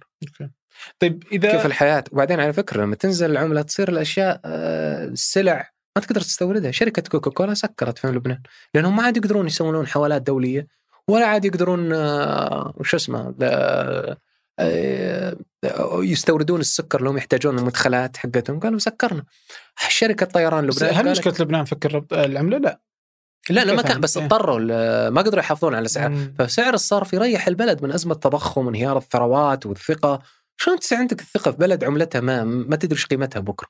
شلون تقدر تشغل واحد راتبة تقول له بعطيك راتب مبلغ وقدره بالريال وتثق إنه بيصير ملتزم ولا بيقول لك لا يا أخوي حطني راتبي بالدولار. أثق فيه. أنا أتذكر يعني آه، آه، فترة انهارت فيها كثير عملات دول عربية يعني وأنا صغير. كان آه، كانت الشركات السعودية يعني تدفع الرواتب هناك بتسعيرة ثابتة مع الدولار. العمال هناك يعني على أساس يكون عندهم ولاء يخافونهم من رواتبهم. ما يثقون في عملة دولهم.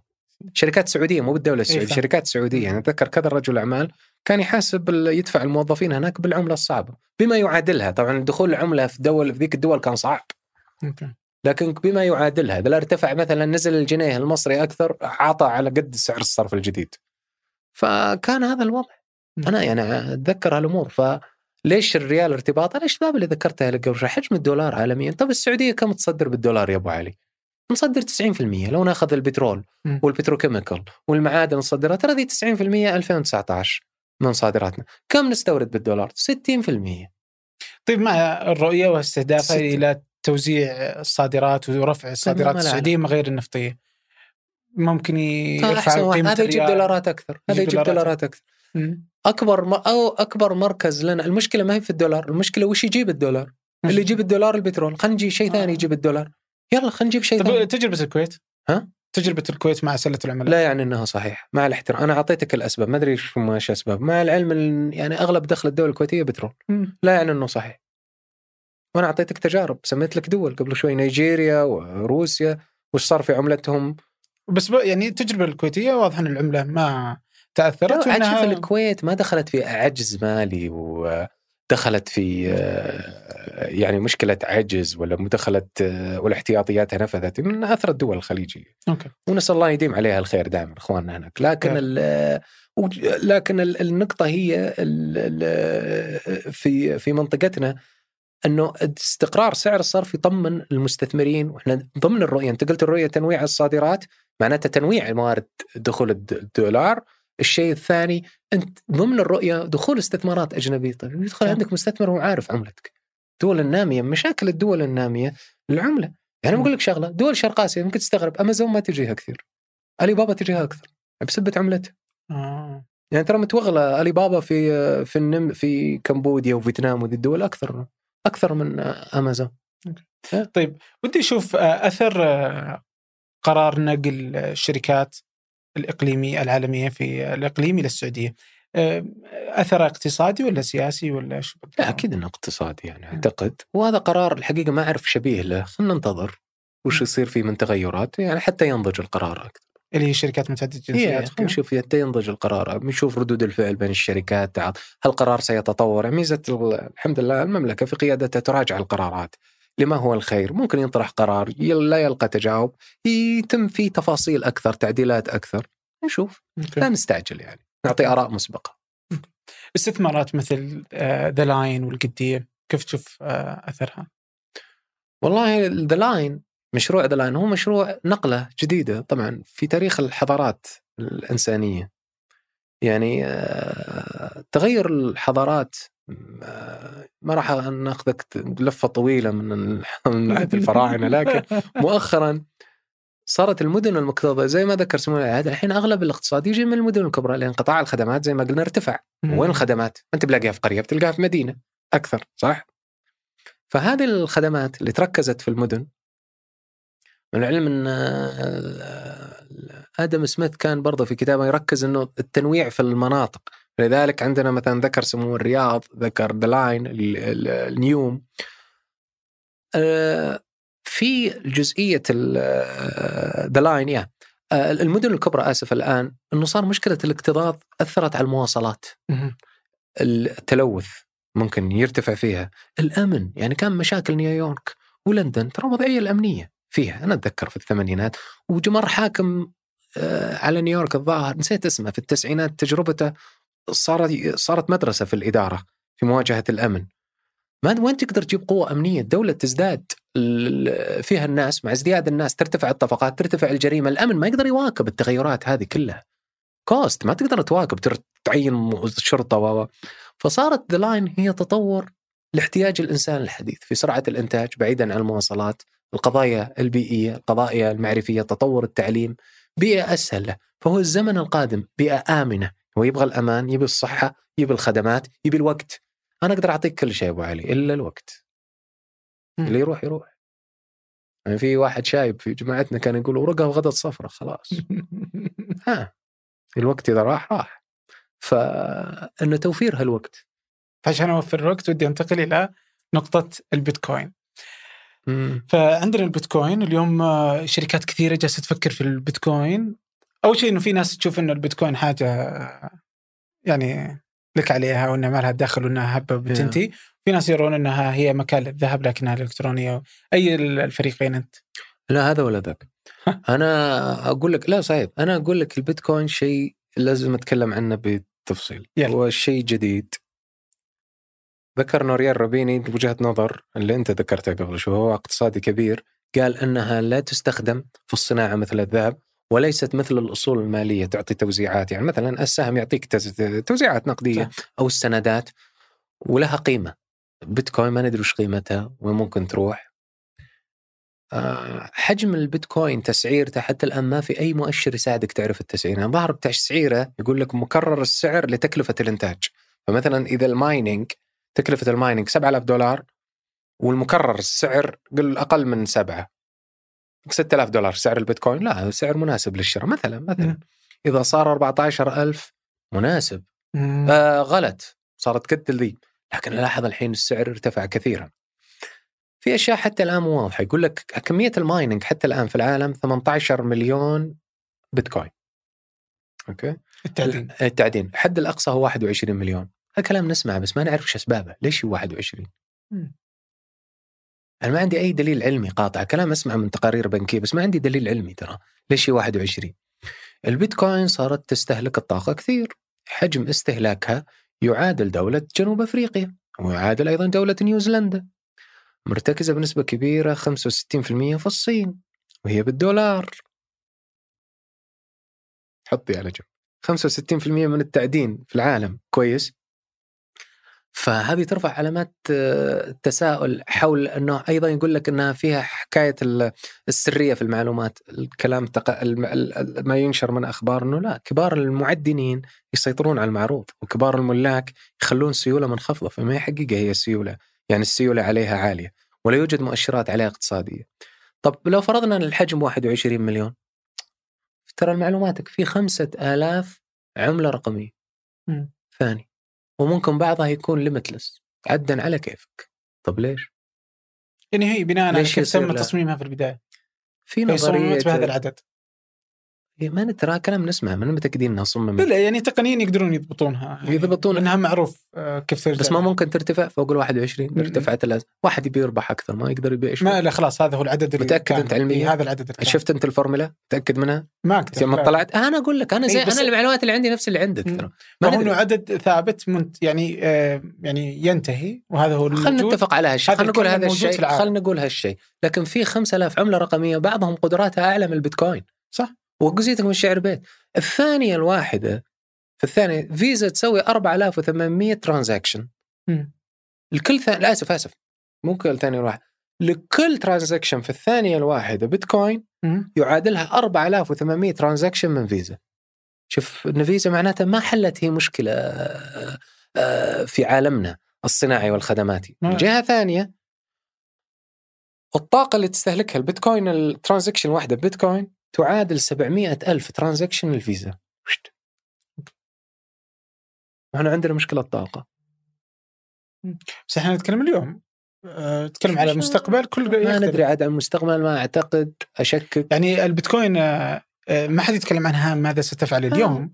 هي فكرتها مم. انتهاء المركزية وجود البنوك المركزية التحكم هي اليوم إنه تلغي الوسيط لو يلغى. لو تدخل يعني خلاص لو تصبح ي- مباشرة لو ما يجي عليها. محاضير بيئية اولا عليها مخاطر أنا ما أدري بس يجي عليها مخاطر تشريعية تشريعية كويس ممكن توقفها من كل الأسواق ما حد ما- يقدر لا بس ما حد يقدر يقفلها من كل الأسباب. لا بعض الدول تمنع تداولها ما لأسباب. حتى حتى يجي من أسباب أمنية يعني يجي من أسباب أمنية. عاد تبي تدخل أنت في عالم التجاره الممنوع إيش الشيء اللي مع مع التجارة؟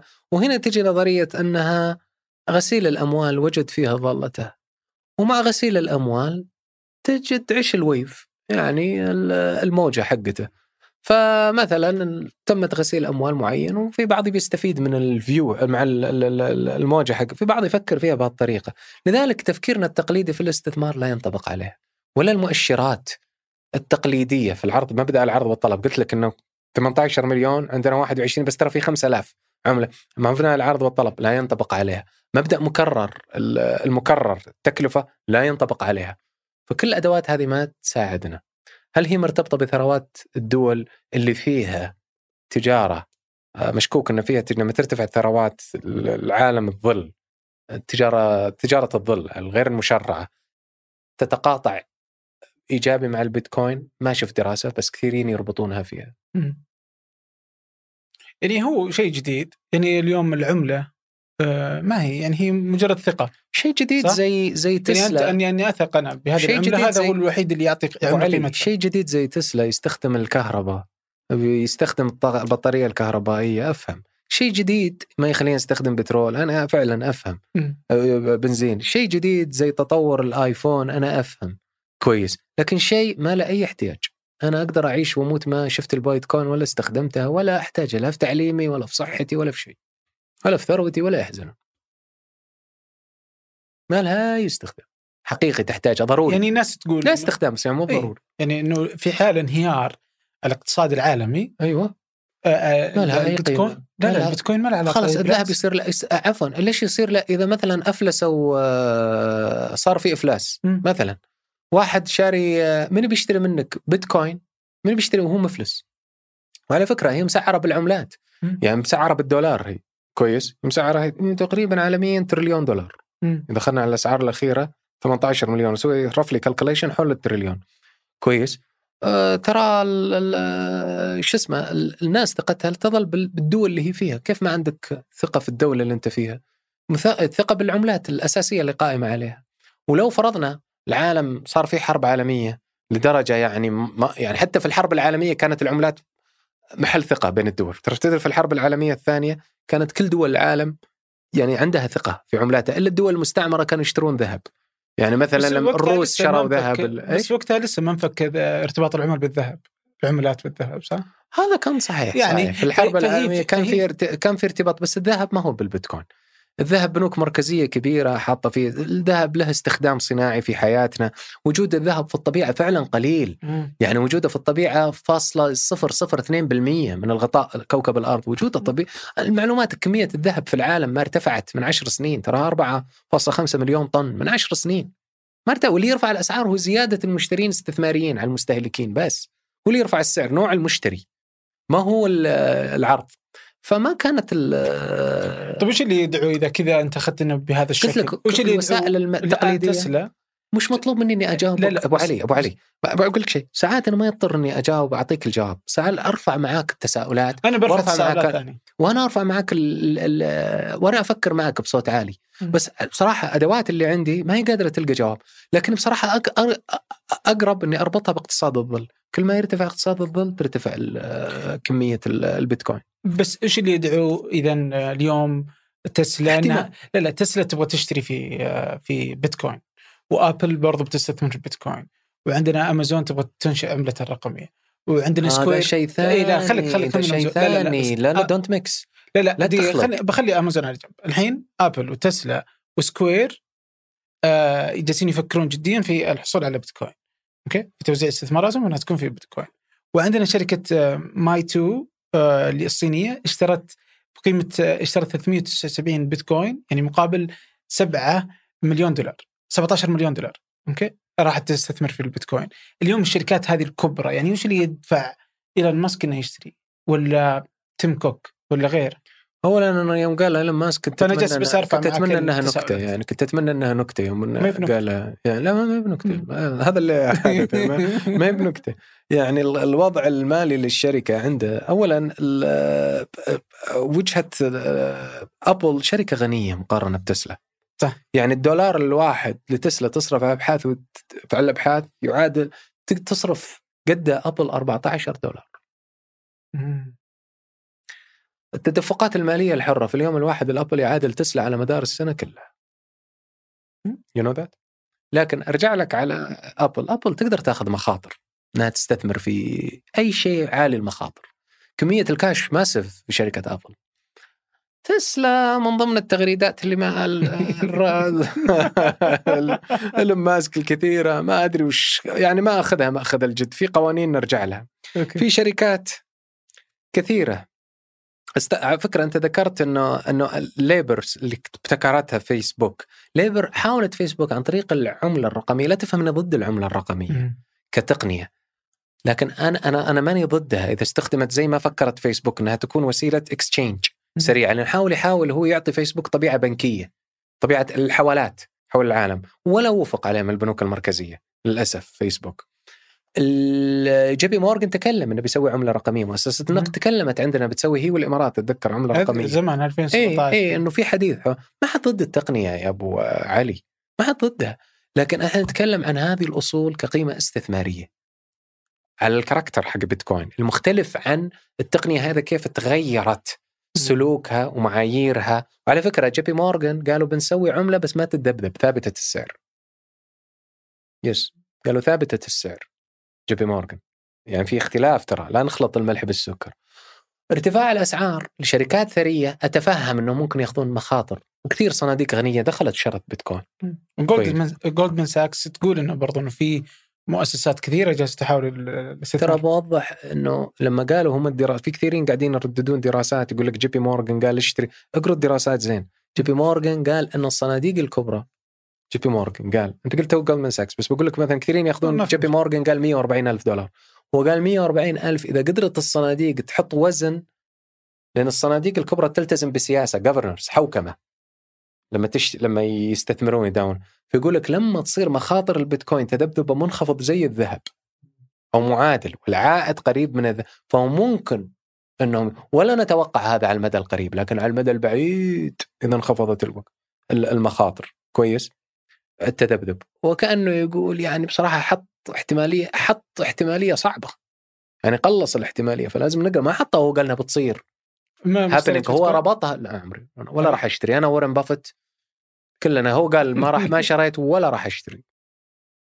طيب يعني من جزء يعني ما تدري إذا كثرت يعني لا ما راح أقول الرئيس التنفيذي حق والله الناس ما يهمها. مازن إيش راح يشتري وش يشتري. لكن يعني أنا إذا تسألني حتى. هذه اللحظة أنا ما قد شريت بيتكوين.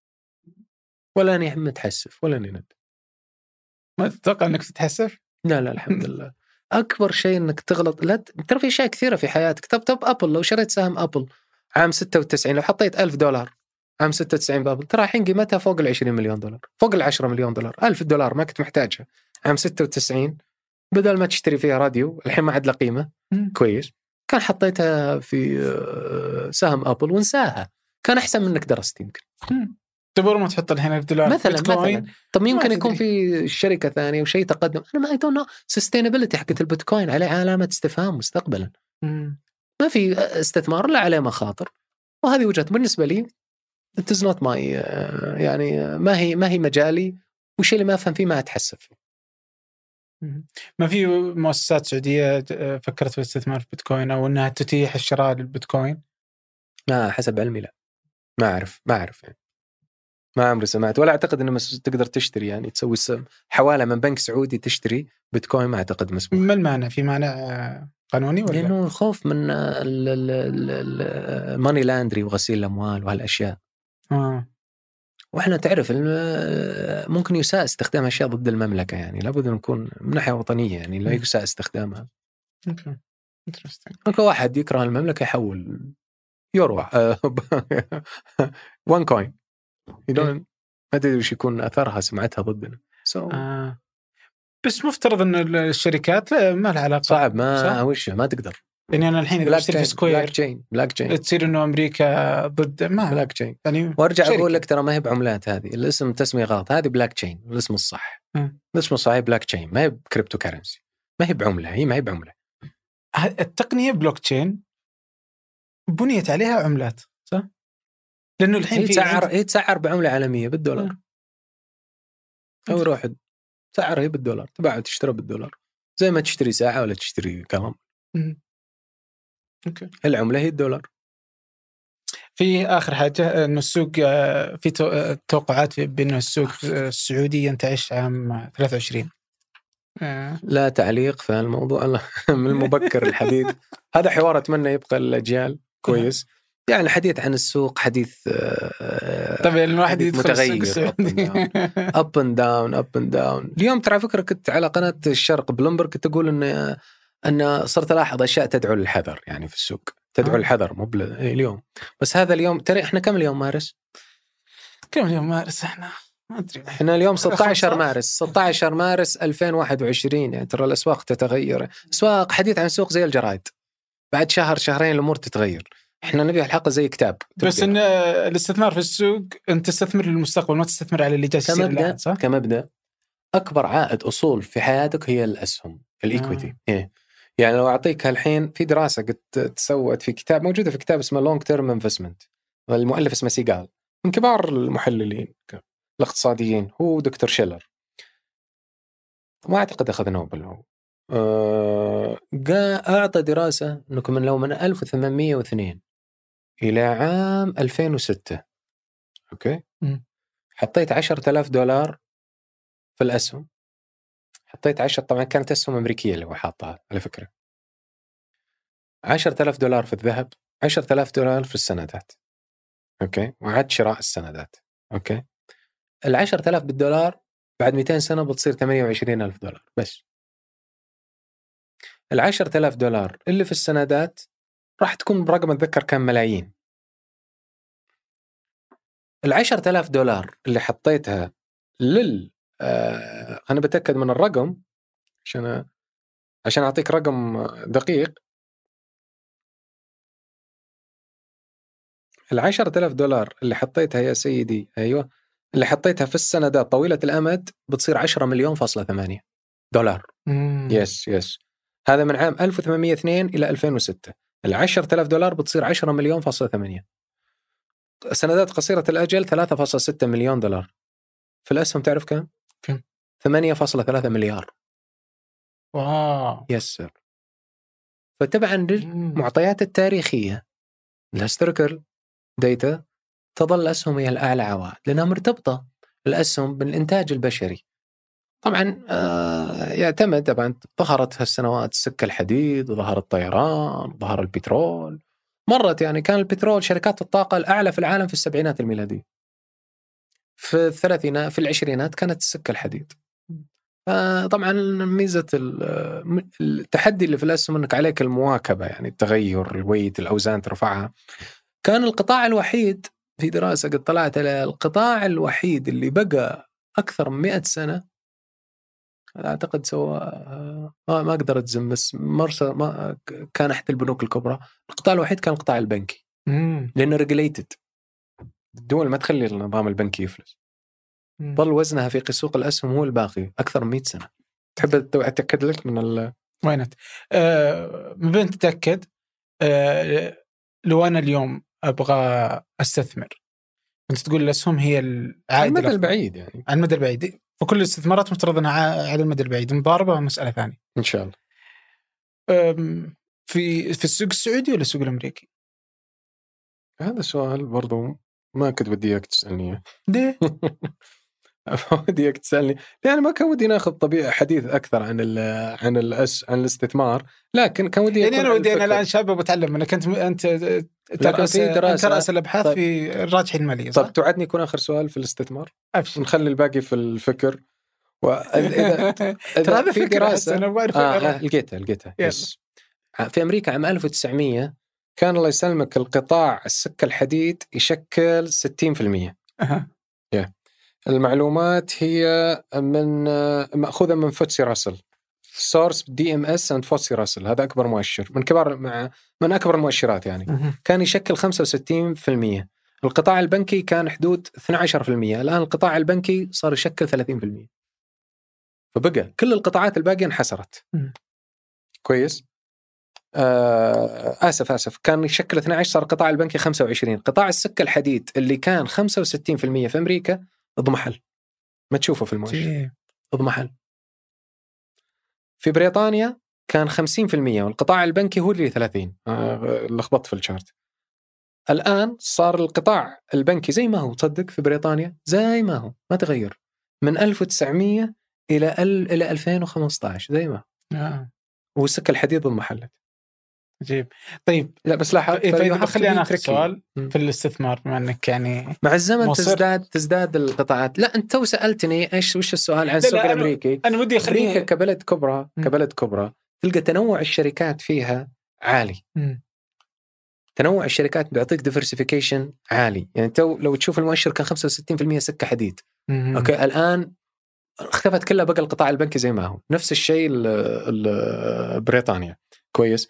فالتنوع وأيضا الشركات الأمريكية عندها استثمارات حول العالم فعبر أمريكا تستثمر أصلا حول العالم. نفس الشيء كانت على السوق البريطاني يعني كان كثير محللين يقول لك السوق البريطاني رخيص خلال الربع الرابع كان خوف قبل البريكزت واتفاق آه. البريكزت وذا إنه رخيص طيب يا جماعة بيصير في مشكلة في بريطانيا قالوا تعرف إيش؟ قالوا آه إنه السوق أصلا الشركات البريطانية شركات عالمية مم.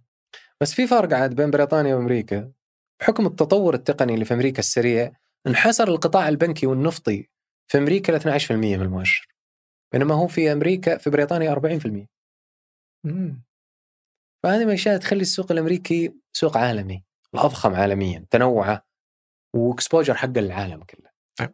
ودولار آه يا دولار. طيب آخر سؤال في الاستثمار. يعني الآن لي أنا كفرد يبحث عن استثمار لمدى بعيد.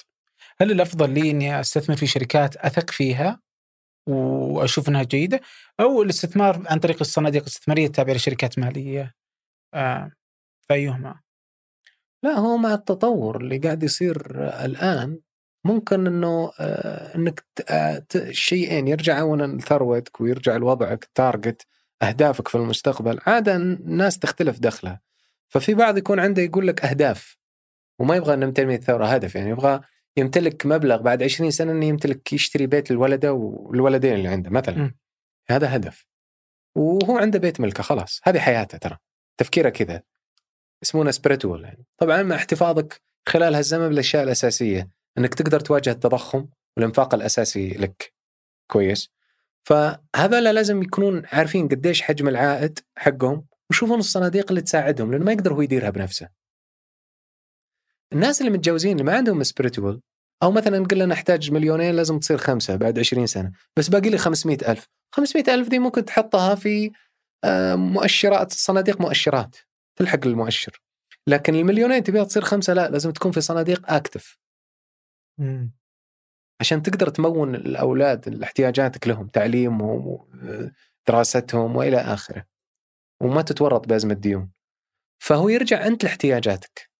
ما في جواب ثابت. يرجع لاحتياجاتك بعد 20 سنة والأهداف اللي أنت تبي. فإذا ما كان عندك احتياجات اتبع المؤشر. مع المؤشر.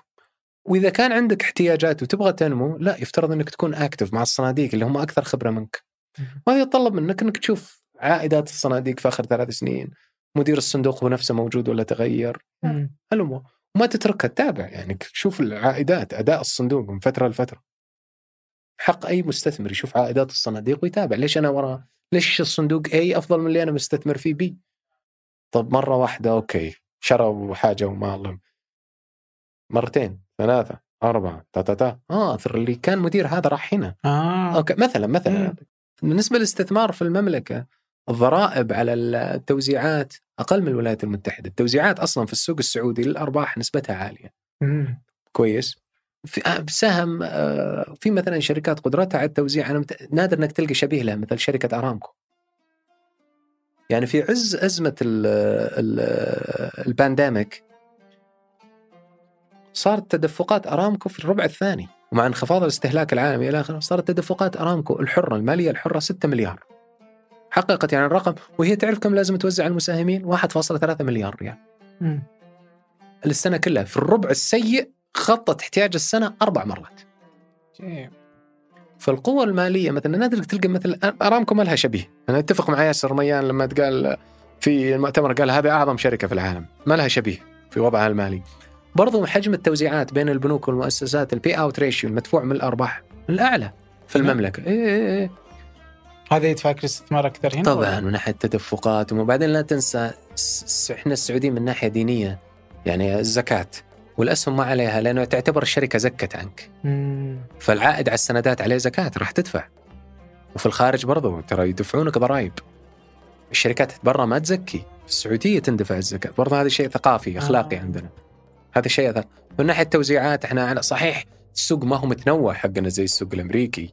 صحيح إن السوق حقنا عدد معدلات النمو فيه لكن إحنا برضو دولة نامية في قطاعات قاعدة تنمو بشكل سريع. كويس. وزي ما ذكرت لك التدفقات المالية والزكاة. تعطي وزن أعلى للسوق السعودي. طيب. حلوين؟ الله يعطيك العافية. ثانك يو شكرا شكرا لقبول الدعوة. شكرا لك شكرا لكم. شكرا لجميل عبد الله. حد خلف الكاميرا في الإعداد شذا محمد وفي التحرير وفاء سليمان. في الهندسة الصوتية محمد الحسن. وفي الإشراف على فنجان سحر سليمان. هذا فنجان أحد منتجات شركة ثمانية للنشر والتوزيع. ننشر كل الإنتاج بحب من مدينة الرياض. الأسبوع المقبل ألقاكم.